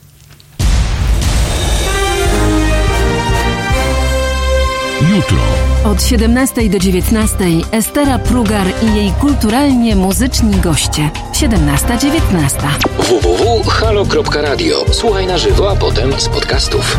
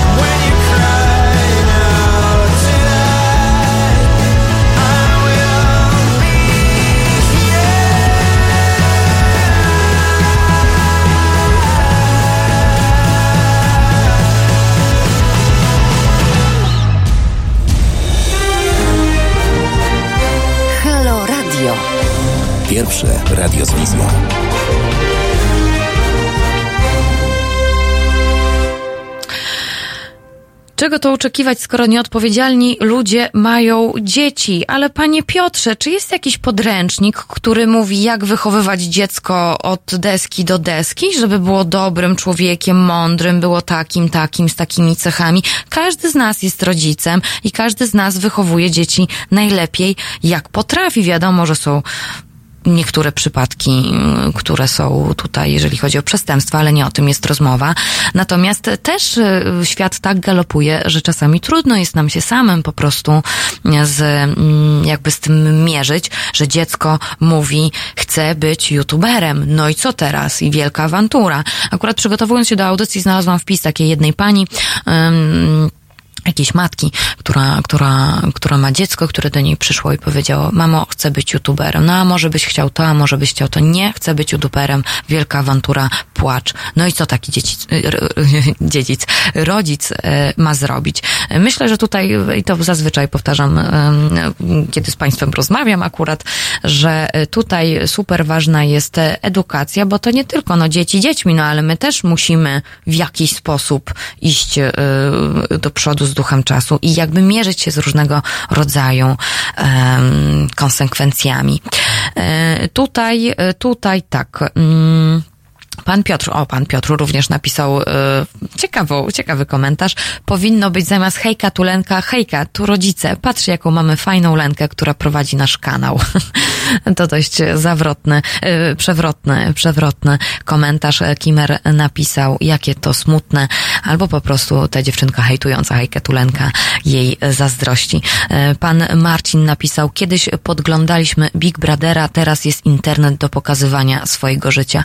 Smutne jest to w tym, że youtuberzy stają się jedynymi znajomymi wzorami do naśladowania. No tak, no tak, to jest smutne. Pan Jan e, pisze, edukacja i rozmowa to elementarz, tak, to prawda. Um, Dodd napisał, wystarczy dziecka nie uczyć watykańskich bredni, ogólnie religijnych bredni i już jest lepsze. E, no, czy ja wiem, to jest akurat kwestia dyskusyjna, ale nie będziemy rozmawiać o tak zwanych watykańskich bredniach. Koniec cytatu. Dot. E, natomiast e, Czasami zastanówmy się po prostu nad sobą. Wychodzę też z takiego założenia. E, pan Robert napisał, problemem jest to, że chowamy, nie wychowujemy. Choć pocieszające, że jest oblegany na przykład blog Ojciec. Tak, takich dużo jest różnego rodzaju e, blogów. E, natomiast tak, jeżeli e, zaraz Państwu dokończę jeszcze historię z hejtem na Hejkę Tulenkę, ale chciałam Państwu jeszcze zacytować mojego znajomego, który skomentował akurat zapowiedź mojej dzisiejszej audycji. To tak, dzieciaki niszczą dzieciaki na YouTubie jest żywa od dobrych 10 lat, tylko wystrzeliła wraz z popularyzacją Facebooka, gdzie wcześniej był MySpace e, i Facebook, e, to one były takie trochę bardziej elitarne. E, rozwój hejtu jest, jest tożsamy z rozwojem technologii i popularyzacją pewnych środków przekazu. Tyle tylko, że to nic nowego, bo dzieci w latach XX wieku też chętnie biły Żydów, bo to widziały w gazetach i słyszały od rodziców. Nie rozumiały, a robiły. Mniej było hejtu, tyle samo. Po prostu dziś łatwiej o tym powiedzieć, nagłośnić, przekazać, ale tragedii ludzkich z hejtu było, e, jest i będzie tyle samo. E, tak tutaj taki komentarz możemy możemy, możemy zacytować. E, no i tutaj również komentarz e, ojca e, z autopsji, a w zasadzie córkopsji. Śledząc, co moje dzieci oglądają, widzę, jak szybko proste filmiki z zabaw urastają do produkcji niemal telewizyjnych. Takie, chodzi o produkcję oczywiście, gdzie każdy ruch pionkiem na planszy wydaje się wyreżyserowany, a dziecko przestaje być podmiotem, staje się produktem sprzedającym inne produkty. Pionkiem w grze o kasę, gdzie kostką rzucają marki. O tym możemy sobie dygadować, dywagować e, dość długo.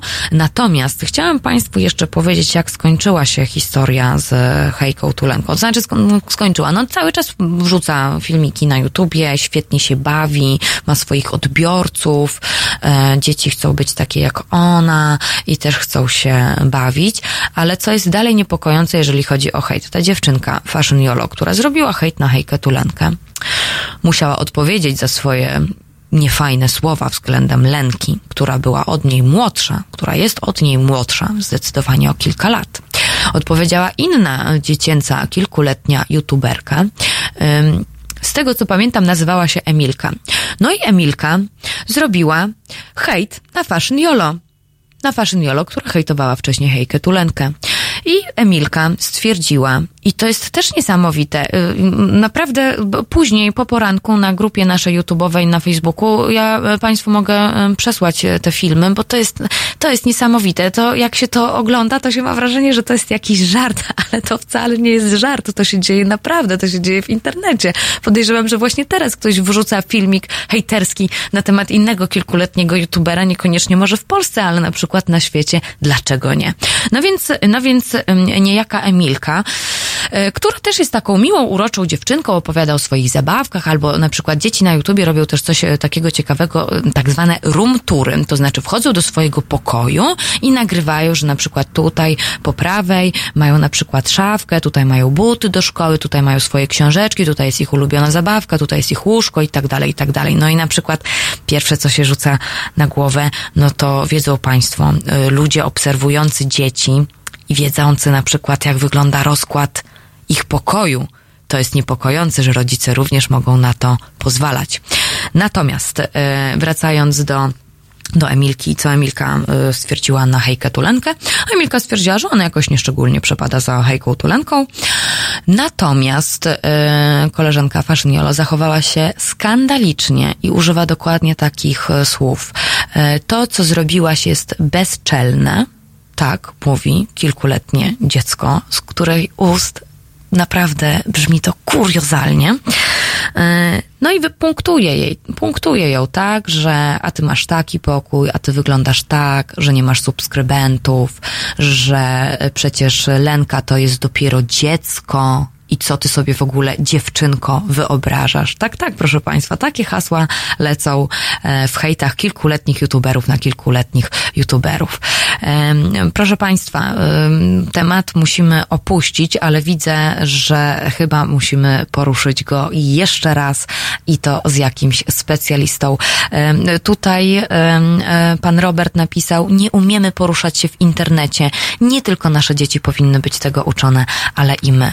Proszę Państwa, niech to będzie e, komentarz e, na dzisiejszy dzień. E, Proszę go przekazywać nie tylko sobie, ale też swoim bliskim i znajomym, którzy mają dzieci. Ja natomiast, my musimy natomiast temat skończyć, ale obiecuję Państwu, że no już za kilka godzin na naszej facebookowej grupie wyślę Państwu te filmiki, żeby Państwo zobaczyli, co się dzieje w ogóle w internecie, bo to czasami jest naprawdę zaskakujące. Natomiast my wracamy już za moment, bo o godzinie dziewiątej rozmawiamy, uwaga, znowu o takim młodzieżowo-dziecięcym temacie, czyli czy te gry komputerowe są takie złe i straszne. Okazuje się, że nie są. Słyszymy się już za moment. Halo Radio. Hej, cześć, tu Krzysiek Skiba, zespół Big Cyc. Panie i panowie, chciałem zaprosić wszystkich do aktywności, e, o wpłaty, apeluję o wpłaty na Fundację Obywatelską, na Patronajta Fundacji Obywatelskiej. Dość już e, polityków, czas coś zrobić dla obywateli. Politycy są w radiu, są w telewizji, a tutaj buduje się radio obywatelskie bez polityków, gdzie wreszcie obywatele mogliby o sprawach obywatelskich pogadać. Nie jest to związane z Platformą Obywatelską, z żadną partią. Fundacja Obywatelska. Warto wesprzeć. www.halo.radio ukośnik SOS.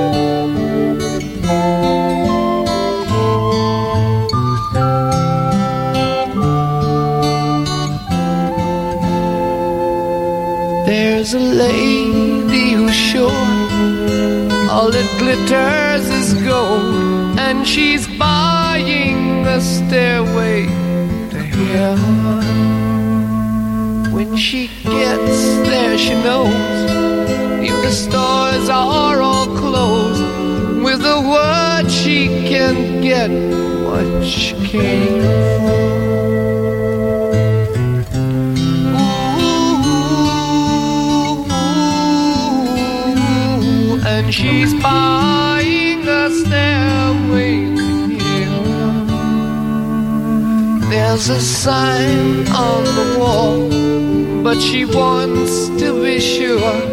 Cause you know sometimes words have two meanings. In a tree by the brook, there's a songbird who sings. Sometimes all of our thoughts are misgiven.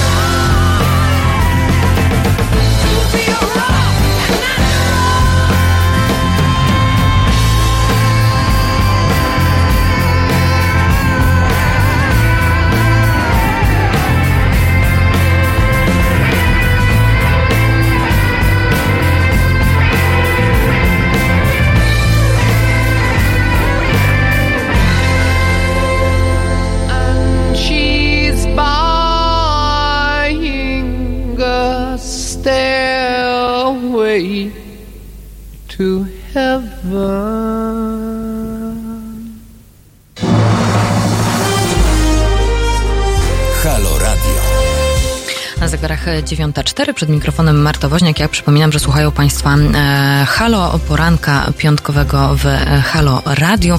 Natomiast e, dzisiaj jesteśmy bardzo mocno w tematach dziecięco-młodzieżowych, ale okazuje się, że również dorosłych. Teraz będziemy rozmawiać o e-sporcie, o grach komputerowych. I tutaj już ze mną są w studiu gościnie, więc zapraszam do wysłuchania i tej części. No to tak, proszę Państwa. e, No dzisiaj naprawdę mamy ten nasz poranek taki e, związany z młodzieżą e, i my dorośli tutaj możemy sobie dywagować co tam i jak tam. Proszę Państwa, tak, ze mną w studio jest, są dwie gościnie. Kamila Firingerle-Kopi, profesjonalna zawodniczka esportowa. Witam Cię serdecznie. Witam bardzo serdecznie.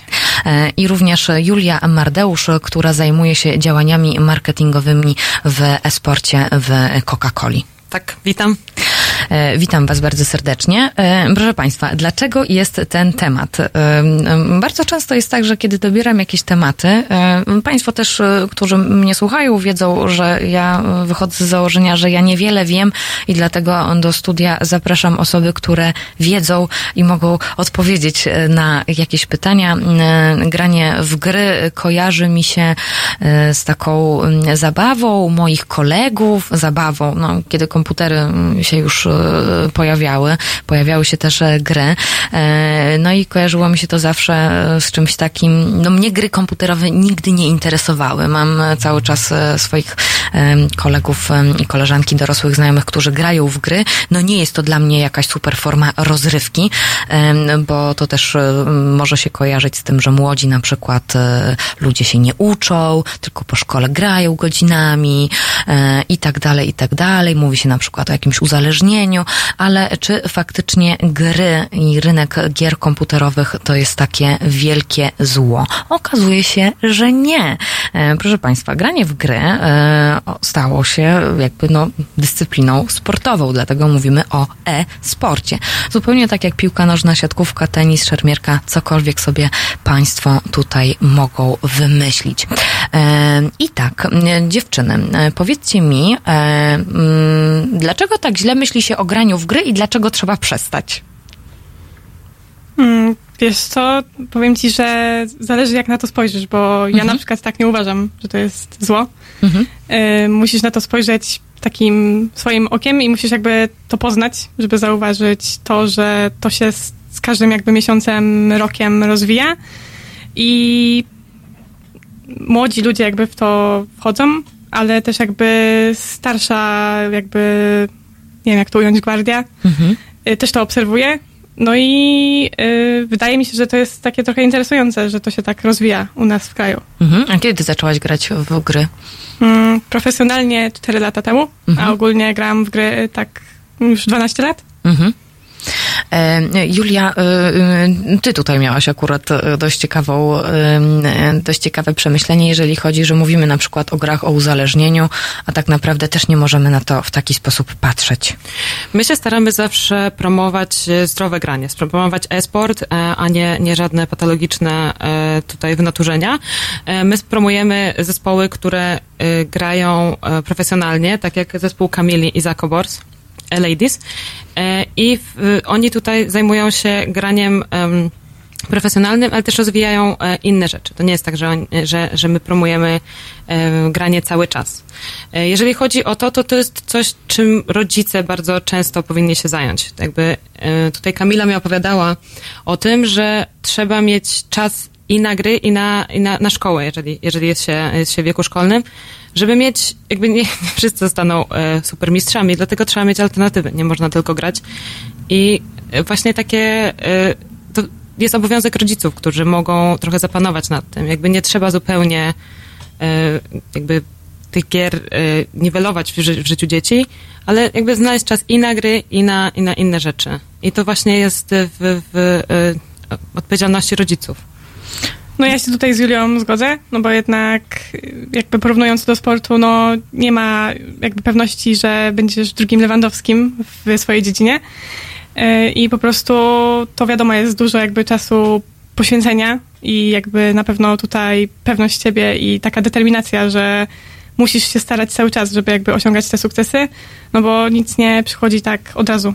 I to jest jakby no czasochłonny proces, ale no też jakby trzeba zwrócić na to uwagę, że nie każdy ma taką szansę.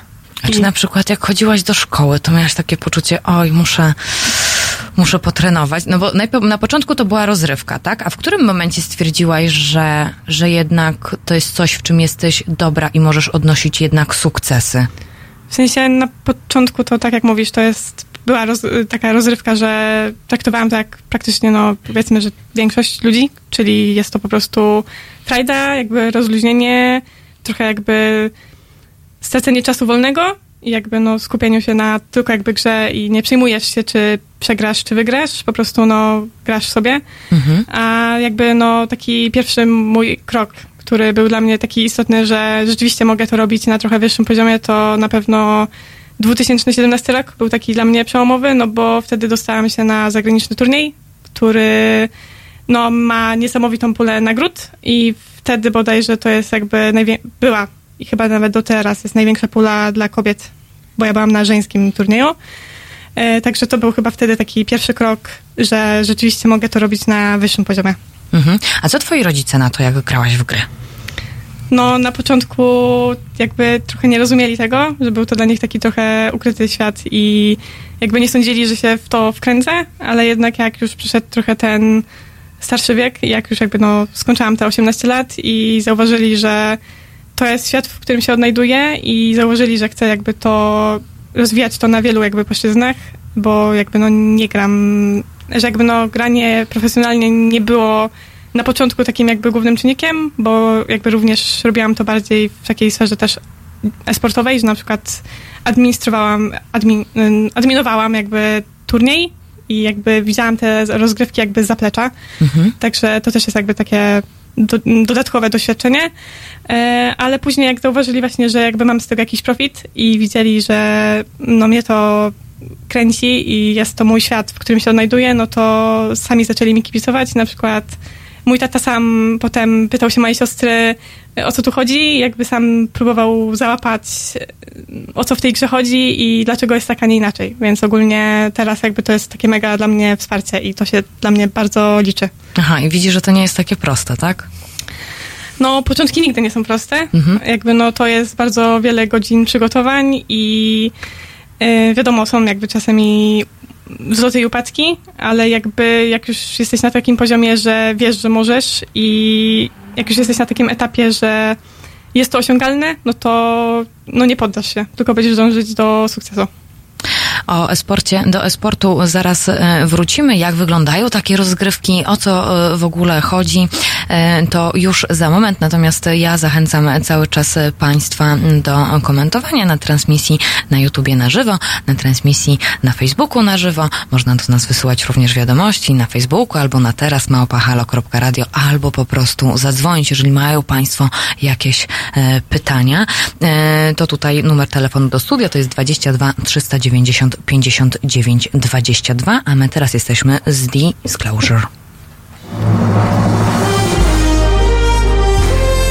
Halo Radio. Krzysztof Pieczyński, dzień dobry. E, Proszę Państwa, Kuba Wątły jest e, ateistą, ja jestem człowiekiem wierzącym. Ani jemu to nie przeszkadza, ani mnie to nie przeszkadza. Kuba Wątły czasami opowiadając o politykach i sytuacji w Polsce używa słów siarczystych. Może i by mnie to przeszkadzało, gdyby nie to, że uważam, że opowiadanie o tych sprawach wcale nie wymaga odcięcia się od emocji i bycia nieustannie dyplomatą, bo w dyplomacji, którą uprawiamy, wiele spraw zostaje zamiecionych w sposób bardzo brutalny i znacznie gorszy niż siarczystość Kuby pod dywan. W związku z tym mówmy prawdę, zacznijmy mówić prawdę i do tego wiodę. Do medium społecznościowego, medium obywatelskiego, które chce założyć Kuba i które zakłada w tej chwili, po to, żeby mówić bez cenzury o sprawach, które nas bolą. Po to, żeby patrzeć politykom na ręce i po to, żeby patrzeć na ręce Kościołowi katolickiemu, rozliczyć Kościół katolicki nie tylko za pedofilię, bo to jest jedna z rzeczy. To jest szczyt góry lodowej, o której mówię od wielu lat. Kuba mówi o tym dwa razy dłużej albo trzy razy dłużej i należy mu się to medium. Zapracował na to, na Państwa zaufanie, żeby mieć to medium, żeby dalej mówić o tych rzeczach bez cenzury, bez zamiatania pod dywan. Mówić prawdę. www.halo.radio ukośnik SOS.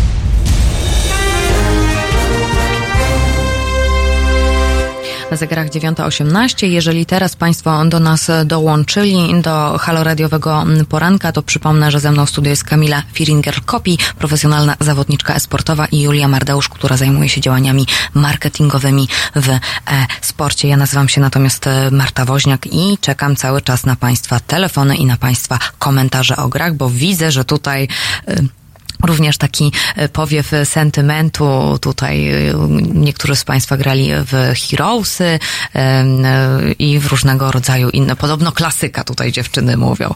E, Klasyka. E, Kamilo, a w co ty grasz? Ja gram w Counter-Strike'a. To jest ogólnie gra opierająca się na grze drużynowej, w której masz dwie drużyny po pięć osób. Dodatkowo jakby niektóre drużyny posiadają swojego trenera, który jakby wspiera takich no, czy to motywacyjnych działaniach, ale też strategicznych. Yy, No ogólnie jakby to prosto ująć, są dwie drużyny i mamy stronę atakującą i broniącą i tutaj chodzi o to, żeby zdobyć jakby 16 punktów i łącznie jest 30 rund i jakby co połówkę masz zmianę jakby strony. Yy, No ogólnie na pewno gra opiera się na mega strategii i grze drużynowej, w której jakby no bardzo jakby ważnym elementem jest komunikacja, bo tutaj jakby wszystko się opiera na tym. Y, Jest to strasznie istotne.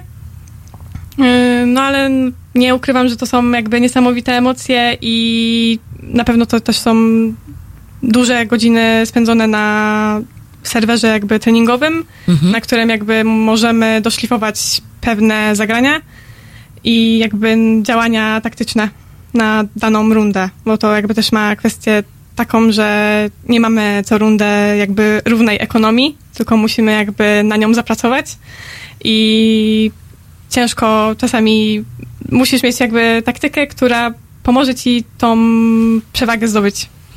E, Ty grasz e, w drużynie e, z innymi kobietami. Czy wy się znacie prywatnie? Tak, znamy się prywatnie. Może nie jest to tak, że widzimy się załóżmy raz w miesiącu, ale jak są, jak jest okazja i mamy turnieje, które odbywają się w Polsce, to jak najbardziej jest okazja, żeby się zobaczyć i to jest chyba ten taki jeden czynnik główny, który jest bardzo super, że możemy się zobaczyć, y, porozmawiać, porozmawiać czy to o sprawach jakby prywatnych, życiowych, że jakby no nie opiera się to tylko, to tylko na grze, ale zdarzają się też sytuacje, w których jak nawet nie ma y, turniejów, to mm, zdarzają się momenty, w których widzimy się, może nie całością, ale jak jest okazja, to jak najbardziej. To jakby nie wyklucza jednego z drugim, chociaż nie ukrywam, że na scenie europejskiej to się trochę różni, bo jakby drużyny europejskie nie są jakby jedną narodowością. Jest to bardzo rzadkie w, na scenie europejskiej i na przykład tam drużyny widzą się jedynie, można rzec, że na turniejach i to jest jakby niesamowite przeżycie zobaczyć coś takiego od środka, bo miałam okazję to zobaczyć dwa, dwa razy. To jak to wygląda w Polsce, jak jest organizowany taki turniej i jak jest organizowany właśnie, nie wiem, w Europie gdzieś?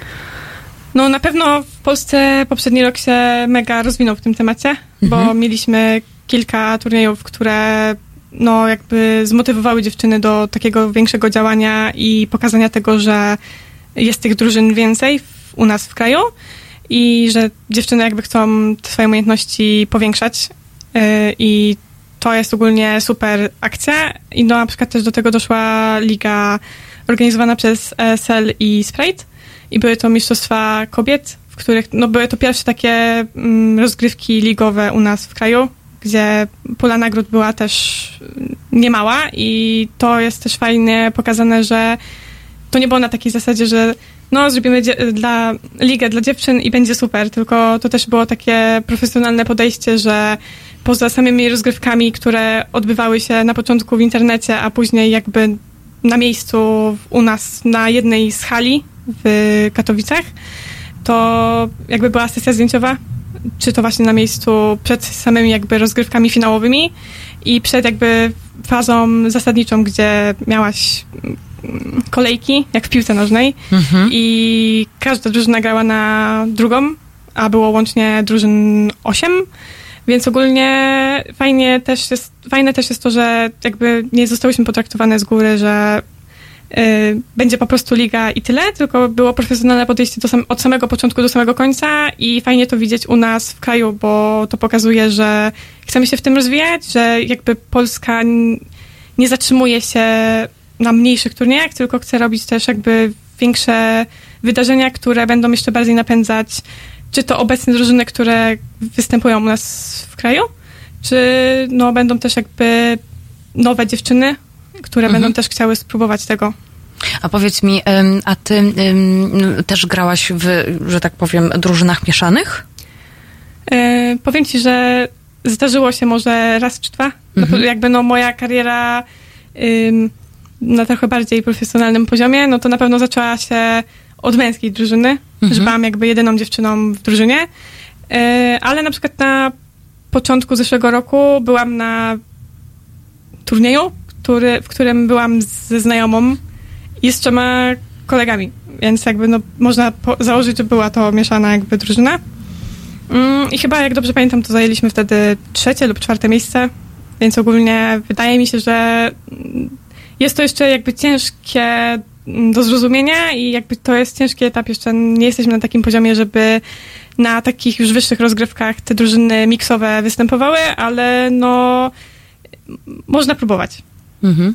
E, Julka, e, pytanie techniczne e, może bardziej. Powiedz, jak to wygląda akurat z twojej perspektywy, tworzenie drużyn dziewcząt, kobiet, młodych w porównaniu do tych drużyn męskich. Jak My w tym roku zdecydowaliśmy się na działania w, w- sferze tego, tego damskiego esportu z tego powodu, że mieliśmy kampanię e, Sprite I Love You Hater. E, I w ramach tej kampanii, a Sprite od dawna jest związany ze sportem i z gamingiem, w ramach tej kampanii e, postanowiliśmy zrobić coś dla dziewczyn we sporcie, ponieważ bardzo dużo się pojawia komentarzy, bardzo dużo pojawia się hejtu, że dziewczyny po prostu nie nadają się do, do grania. Mhm. Jakkolwiek wejdziesz na nawet na grupę, gdzie są osoby, e, grupy sportowe świry, gdzie są osoby, które bardzo dużo, e, po prostu tam się są osoby zainteresowane grami i tam pojawiają się komentarze do kuchni, wracaj do kuchni, nie znasz się, czy też po prostu na streamach pojawiają się strasznie złe komentarze w stosunku do dziewczyn. E, I my chcieliśmy coś z tym zrobić, chcieliśmy promować e, to, że dziewczyny też mogą grać, to, że dziewczyny też mogą grać świetnie i pokazywać też młodszym dziewczynom, że mogą się rozwijać w tym kierunku. E, Bo tak jak mówi Kamila, kiedyś było tych, było, było trudniej znaleźć nawet taką dziewczyn, jakby kompletnie dziewczyński skład. W tej chwili mamy tutaj sporo drużyn. Osiem tylko było na, na naszych, w, naszym, w naszej lidze ESL Sprite Mistrzostwa Kobiet, więc to się bardzo, bardzo rozwija. E, I z naszej perspektywy to było coś takiego, że chcieliśmy mm, wraz z ESL-em e, stworzyć właśnie takie miejsce, w którym dziewczyny, tak jak Kamila mówi, bardzo, bardzo się cieszy, że tak wyszło, że właśnie były traktowane na równi, że to nie było coś takiego, że były zrzucane do jakiegoś innego pokoju, że, że, e, że jakby ich rozgrywki były mniej ważne. Nie, to były wraz z mm, mistrzostwami e, Polski, były traktowane na równi, było rozgrywane w tym samym miejscu, były, wszystko było robione analogicznie. E, I to bardzo się cieszę, że tak wyszło i też bardzo się cieszę, że, że udało nam coś takiego zrobić, bo to jest naprawdę duży krok e, w w kierunku rozwoju tego, tego esportu e, wśród, wśród kobiet, bo dużo kobiet gra, a mało się dzieje jakby, znaczy w tej chwili już więcej, ale wcześniej mało się działo w, w tym kierunku e, dla, dla, dla dziewczyn, dla kobiet, więc m, my zrobiliśmy taki krok. Też masz takie poczucie, Kamila, że e, faktycznie jest to jakiś taki krok do przodu, że w końcu, hej, dziewczyny, też możecie grać, dajemy wam tutaj możliwości? Też się spotkałaś na przykład z takimi komentarzami e, nieprzyjemnymi, że co ty w ogóle... No, zdarzały się, w sensie może nie komentarze, ale jakby mm, jakaś część moich znajomych na początku nie rozumiała tego świata i jakby ciężko było im zrozumieć, że dlaczego ja gram, że dlaczego jakby tylu, tyle czasu na to poświęcam, ale później jak zauważyli te moje takie mniejsze czy większe sukcesy, no to zaczęli się trochę po części tym interesować. E, Więc tak, ja się jak najbardziej cieszę, że u nas w kraju to się coraz bardziej rozwija i że mamy jakby okazję udowodnić, że da się to zrobić i że jakby są dziewczyny chętne do rywalizacji. Y, No bo nie ukrywam, że na scenie europejskiej jest kilka tylko turniejów i nawet nie ma ligi takiej na takim poziomie, jak my mieliśmy teraz y, okazję zagrać. Y, I mamy tylko w Europie jakby no 3-4 turnieje do roku. Chociaż nie ukrywam, że teraz też już jakby to idzie w coraz lepszym kierunku na scenie europejskiej i jest tego więcej, ale było tego też mało. Y, Także cieszę się, że jakby nasz kraj nie zamknął się na kilku turniejach, tylko postanowił zrobić ten większy krok i dać nam szansę rozwoju i tego, że dziewczyny też mogą grać. Dziewczyny też mogą grać mm, do rozmowy na temat e-sportu wśród kobiet, a właściwie y, jak wielki jest rynek e-sportu, to porozmawiamy już za moment.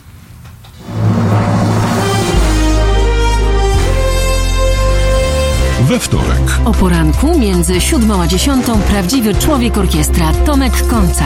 Obudzi nawet umarłych. Siódma, dziesiąta. www.halo.radio. Słuchaj na żywo, a potem z podcastów.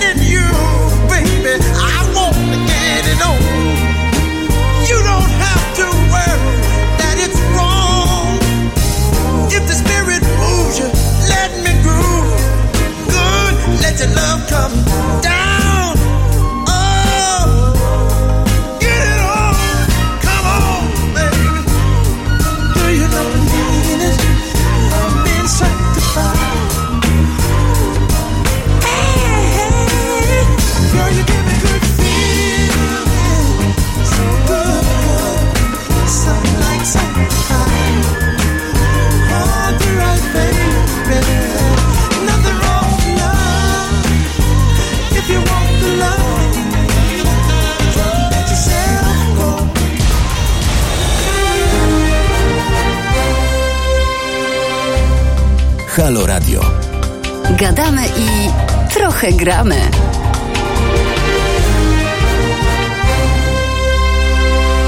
Jesteśmy, jesteśmy cały czas w temacie e-sportu. E, No i tak, mm, tutaj jeden z naszych słuchaczy napisał, że e, rynek e-sportu, e, rynek gier komputerowych jest ogromny. Julia, jak bardzo jest ogromny?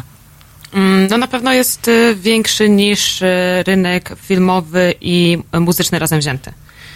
Z tego się nie zdaje sprawy, jak to jest ogromne I, i ludzie też na przykład nie doceniają tego, jak ważnym towarem eksportowym jest y, na przykład Wiedźmin. To jest coś, z czego my jesteśmy znani na świecie.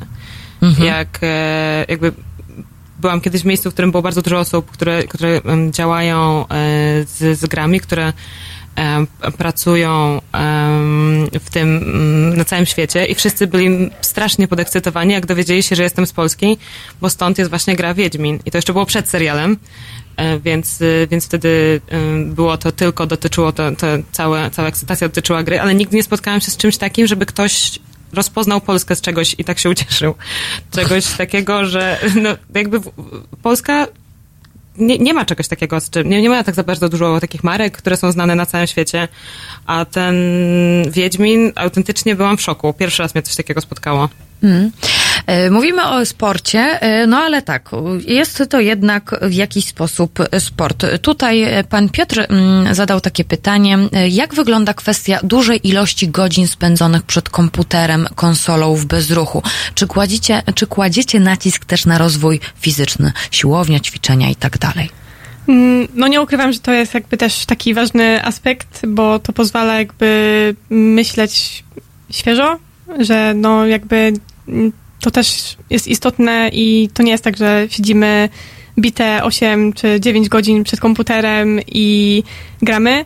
Yy, Na pewno jakby dla mnie, jak miałam taką sytuację, gdzie miałam ważny mecz i spytałam się trochę bardziej profesjo- ba- profesjonalnego gracza, jak podejść do takiego tematu i co zrobić w tym aspekcie, no to powiedział mi, że najlepiej coś dobrego zjeść i iść się przejść i jakby no nie myśleć o tym i wejść po prostu dobrze w mecz i rzeczywiście nie ukrywam, że wtedy to było bardzo dobre rozwiązanie i dobrze mi się wtedy grało. O proszę. Y, ale jakby to też jest jakby ważna kwestia, że mamy takie drużynowe zgrupowania i wtedy jakby siedzimy wszyscy, czy to w piątkę, czy to w szóstkę w jednym miejscu, gdzie masz jedno pomieszczenie, gdzie są same komputery i jakby no gracie razem i Mhm. widzicie się przez na przykład tydzień. Mhm. I to też jest jakby ważny aspekt, że y, siedzimy razem, dogadujemy pewne rzeczy, czy to od strony taktycznej, technicznej. Y, jakby no, to też jest też super okazja, żeby porozmawiać o tym i łatwiej rozwiązać problemy. I jakby szybciej jakby dążyć do tej doskonałości. Ale jakby no, to jest długotrwały proces, powtórzę, i no, potrzeba czasu, żeby zobaczyć rezultat. Żeby się też zgrać w jakiś sposób, tak? Mm, tak, no bo jakby y, drużyna zazwyczaj ma te gorsze momenty, ale jednak jak już się zgra i to też jest taki trochę dłuższy proces, no to na pewno to przychodzi łatwiej w, w grze i Mhm. na jakby ważnych spotkaniach, ale to też jakby są kwestie związane z głową, że no po prostu też trzeba mm, mieć otwarty umysł i jakby mieć tą pewność siebie, która jest najważniejsza w grze, w którą gram i po prostu móc umieć wykluczyć pewne rzeczy, żeby jakby no nie przeszkadzały ci w tym. Mhm. A powiedz mi, y, twoja drużyna nazywa się jak jeszcze raz? Isako Bors Ladies. Mhm. I to jest y, y, tutaj... Y, Tak, e, Sprite jest sponsorem tej drużyny. E, My od e, kilku lat, e, kilka lat temu, myślę, że jakieś cztery, założyliśmy drużynę wraz z, z naszą gwiazdą, naszym influencerem Izakiem, który jest już w tej chwili komentatorem, ale też za- współzałożycielem tej, tej drużyny. On wcześniej więcej grał, teraz nadal trochę streamuje, ale głównie em, zajmuje się teraz drużyną i, e, i, i, i e, różnymi innymi takimi rzeczami. Nie gra już profesjonalnie. E, No i my założyliśmy z Izakiem drużynę. To było zawsze jego marzenie i Sprite mu to umożliwił e, i założyliśmy drużynę Izako Bors. E, Ta drużyna e, po chwili zaczęła się rozrastać w kolejne dywizje. Najpierw e, tutaj zrobiło się kilka gier, e, już nie tylko w jedną. E, No i w tym roku razem z tymi działaniami, razem z ligą, postanowiliśmy rozszerzyć naszą drużynę i do, dołączyć do niej żeńską dywizję Izako Bors Ladies, w której właśnie gra Kamila. A powiedzcie mi, bo e, tutaj tak chyba rodzinnie trochę macie, tak Kamilo? Mamy, w sensie moja siostra, którą pozdrawiam, bo wiem, że ogląda, e, no ogólnie też jakby gra w gry i też można rzec, że ja ją trochę wciągnęłam w ten świat sportu e, i gra w trochę inną grę, która też jakby opiera się na dwóch zespołach, które rywalizują między sobą, tylko jakby na innych zasadach.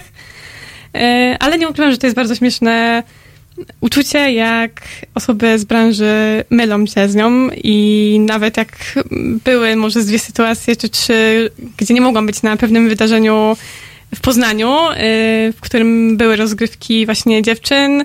Moja siostra poszła się tam przejść, ja nie miałam okazji tam być i wszyscy jak podchodzili do mojej siostry i się witali, to wszyscy myśleli, że to ja. Proszę bardzo. Ale ogólnie y, zawsze się śmiejemy z moją siostrą, że wiesz co, musisz ubrać moją koszulkę na następne wydarzenie, na którym mnie nie będzie. To jestem ciekawa jeszcze większych reakcji, czy y, będą wszyscy myśleli, że to ja, a nie ty. Y, także tak, to jest ogólnie takie dla mnie fajne uczucie, że y, ludzie, jakaś część ludzi jakby kojarzy mnie i moją siostrę, że tak, mam siostrę bliźniaczkę y, i z którą też od czasu do czasu gramy razem, y, ale nie ukrywam, że to jest bardzo miłe uczucie. To możecie niezłe kawały robić. No powiem ci, że y, kiedyś był taki plan i zamysł, żeby jak się uda, może w niedalekiej przyszłości, tylko to już będzie takie trochę spalone, ale były takie plany, że y, moja siostra wyjdzie na scenę przed meczem za mnie, a ja sobie wejdę jakby w drugiej fazie, jak już y, będzie po prezentacji drużyny, także tak, mamy jakieś tam pomysły w głowie czasami i y, no nie powiem, to jest fajne. E, tak, cały czas rozmawiamy o e-sporcie. Jeżeli teraz Państwo do nas dołączyli na zegarach 9.42, ja cały czas, e, jesteśmy cały czas do godziny 10, więc jeżeli mają Państwo jakieś pytania, jeżeli mają Państwo jakieś przemyślenia, no to tutaj jest e, czas jeszcze w tej chwili na to, żeby do nas zadzwonić, żeby do nas coś skomentować. E, Tutaj przypominam e, numer telefonu do studia 22 390 59 22 E, i przypominam też, że mogą Państwo na przykład e, komentować na transmisji na YouTubie, na transmisji na Facebooku albo tak tradycyjnie, ale internetowo, czyli teraz małpa. Pan Maciej napisał pytanie do Kamili, w jakiej pracy się widzisz za parę lat? No nie ukrywam, że ym, pozostanie jakby w roli gracza byłoby super opcją, ale wiem, że to jest jeszcze jakby długotrwały proces i może on jeszcze jakby kilka lat potrwać, więc jakby no ciężko powiedzieć, czy przy tym zostanę, ale na pewno chciałabym zostać w branży sportowej, bo nie ukrywam, że to jest taki mój świat, w którym się odnajduję i ludzie, którzy mnie już trochę bardziej kojarzą i znają, to wiedzą, że jak się pochłonę czemuś, to robię to z taką pasją, że czasami wszyscy są trochę zaskoczeni, że aż tyle w to wnoszę. Yy, Także no myślę, że we sporcie na pewno. Nie wiem, czy to w roli trenera, czy to na przykład, nie wiem, yy, analityka, ana- analizy, yy, bo jeszcze jakby no mam wiedzę w tym temacie, no ale na pewno chciałabym, żeby to był e-sport. Pan Robert życzy sukcesów tutaj, tak ten. A to Julia? dziękuję bardzo. E, tak, bo właśnie w, we sporcie jest też bardzo dużo innych prac, nie tylko, nie tylko dla profesjonalnych graczy, ale też e, Kamila tutaj wcześniej e, kilku, kilkoma rzeczami się zajmowała, ale też jest bardzo dużo pracy dotyczącej e, drużyn, dookoła drużyn, dotyczącej e, eventów e-sportowych. Te eventy są ogromne, więc tam naprawdę pracuje masa ludzi. Więc nie trzeba być profesjonalnym graczem, żeby po prostu pracować tam, bo tej pracy jest mnóstwo i na pewno, na pewno coś, coś się znajdzie na za parę lat, nawet jeżeli nie granie samo. No, tutaj przyznam rację, no ogólnie jakby nie myślmy tylko o tym, że e-sport to tylko gracze, właśnie jakby to też jest ta ważna kwestia, że wiadomo, większa część to, na pewno są faceci, ale jakby kobiety też się zaczynają w tym pojawiać i y, nie ukrywam, że to też jest takie fajne uczucie zobaczyć kobietę, która na przykład jest komentatorem lub e, siedzi na analizie i mówi o drużynach, jakie one są i jakie osiągnęły na przykład sukcesy i daje, nie wiem, kwestie taktyczne i jak te drużyny się prezentują na swoim poziomie. Y, Ja ogólnie miałam okazję jakby być jakby w takim projekcie czegoś takiego, uczestniczyć w tym i to też było takie niesamowite uczucie, jak no to był wtedy, to był jeden z ważniejszych, czy nie najważniejszych jakby turniejów światowych i miałam jakby okazję być na polskiej transmisji, więc to też jest taki dla mnie mały sukces, że nie samym jakby graniem człowiek żyje. Mhm. A powiedz mi, ty właśnie wolałabyś być trenerką, komentatorką, czy to jeszcze nie masz takiego sprecyzowanego? Jakby no nie mam tego jeszcze ustalonego, jakby no ym, pół roku temu bym jeszcze powiedziała, że bardziej muszę chyba wejść powoli trochę w świat e-sportu, bardziej jakby właśnie w branżę, ale jak dostałam jakby możliwość grania w organizacji, która była zawsze jak, jakimś tam mo- moim małym marzeniem, no to wtedy powiedzmy, że trochę mi się perspektywa zmieniła i jakby dążę do tego, żeby to była taka trochę dłuższa chwila i żebym mogła to robić rzeczywiście na co dzień. Mhm. Mm, Chciałam jeszcze się zapytać, bo e, tutaj chciałabym jeszcze jednak e, nawiązać do tego Twojego przygotowywania się. No bo jakie cechy powinien mieć taki zawodnik e-sportowy?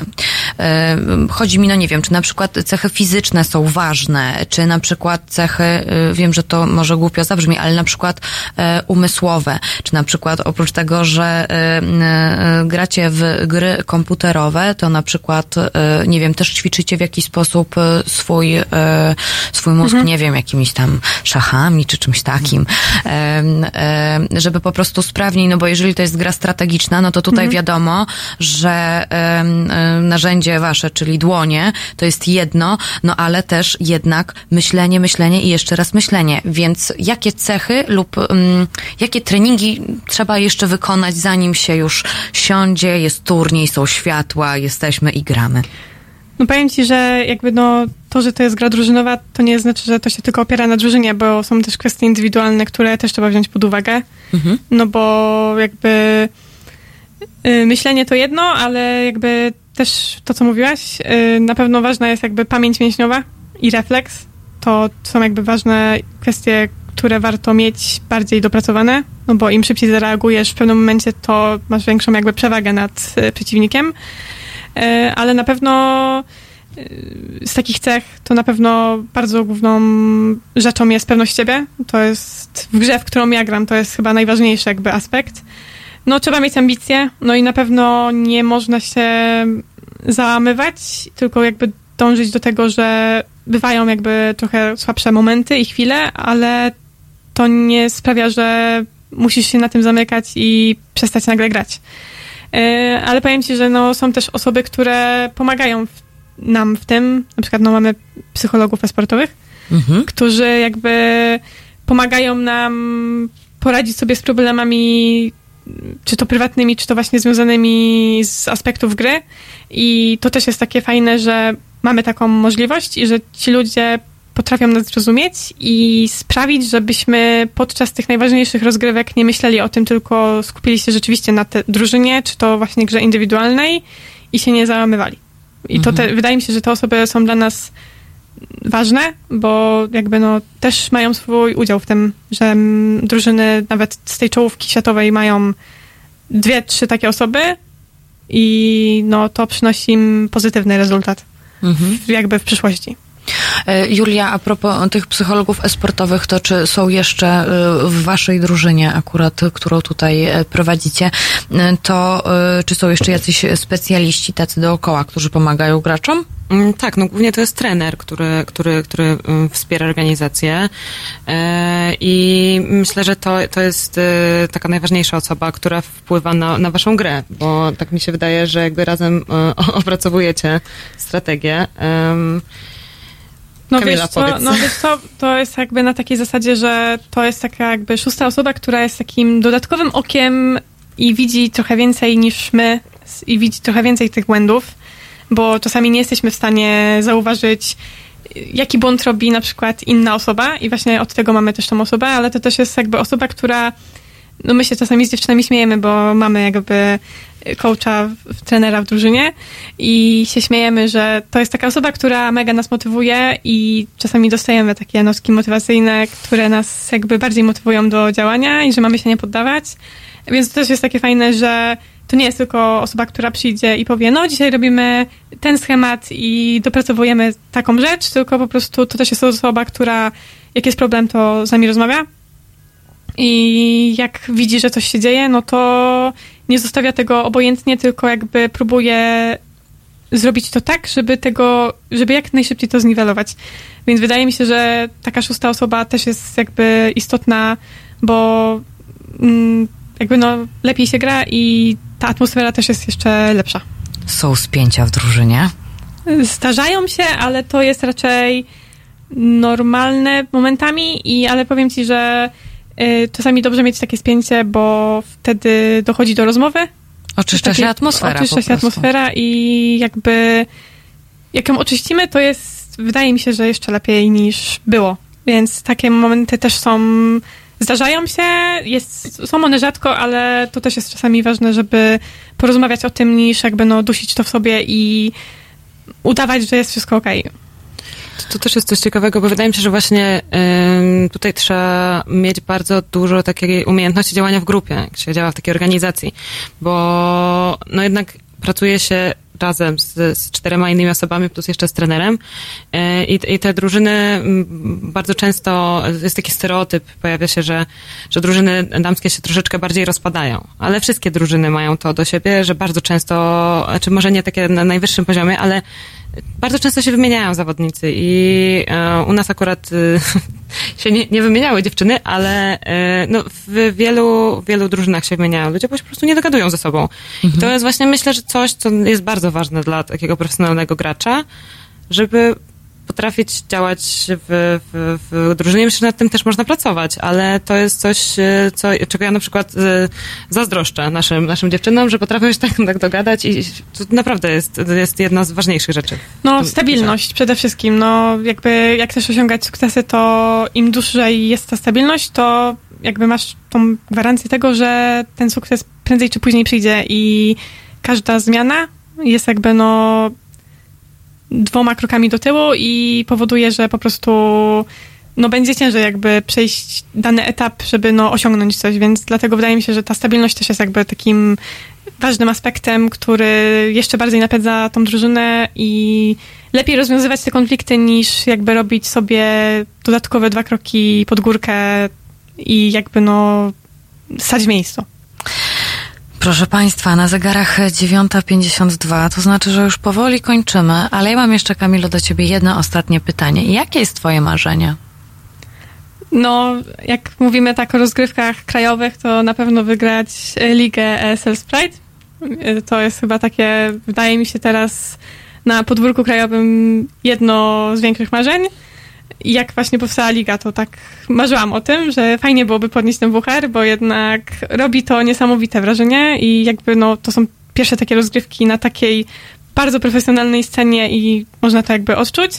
A z takich europejskich, no to na pewno pojawić się na europejskim turnieju na IEM w Katowicach. To jest chyba takie, każde, to jest takie jedno z większych marzeń każdego gracza w Polsce. Intel Extreme Master. Chyba, tak? No, y, dobra. Ym, to w takim razie życzę Ci sukcesów. E, Trzymam kciuki e, i tutaj Państwo proszę również e, trzymać kciuki i śledzić poczynania Kamili. My niestety musimy już kończyć. Jeżeli na przykład teraz Państwo dopiero dołączyli, a już się przecież żegnamy, to proszę Państwa, już za niedługo, bo w ciągu dnia pojawi się na naszej stronie halo.radio podcast z, naszej, z naszego dzisiejszego poranka. Także, a może chcą Państwo sobie coś odświeżyć, to również tutaj zachęcam do odświeżenia. E, bardzo dziękuję. Ze mną w studio była Kamila Firinger-Kopi. Dziękuję Ci. Dzięki za rozmowę, było bardzo super. O, i e, to, za- o, to zawsze jest takie miłe. To ja bardzo dziękuję Wam za przyjście. E, Natomiast e, drugą moją gościnią była Julia Mardeusz, która zajmuje się działaniami marketingowymi, marketingowymi w e-sporcie w Coca-Coli. O. Bardzo dziękuję. Dziękuję bardzo, proszę Państwa. My słyszymy się, jeżeli chcą się Państwo ze mną słyszeć, to słyszymy się jutro o godzinie 11 w sobotę. Natomiast teraz zachęcam Państwa do powtórki, a od 15 już szczera słowiańska szydera. Dziękuję Tamarze, no i dziękuję Państwu. Marta Woźniak. Do widzenia, do usłyszenia. Halo Radio. No proszę Państwa, bardzo namawiam do słuchania Halo Radia. To jest pierwsze radio obywatelskie i już bardzo ważne i bardzo istotne i tu się głównie gada, yy, ale gada się no takie mądre rzeczy, a w każdym razie prawdziwe. Agnieszka Holland. Tomasz Piątek. A ja zachęcam bardzo do wspierania Halo Radio, bo jeżeli nie będziecie go wspierać, to zniknie. www.halo.radio ukośnik SOS.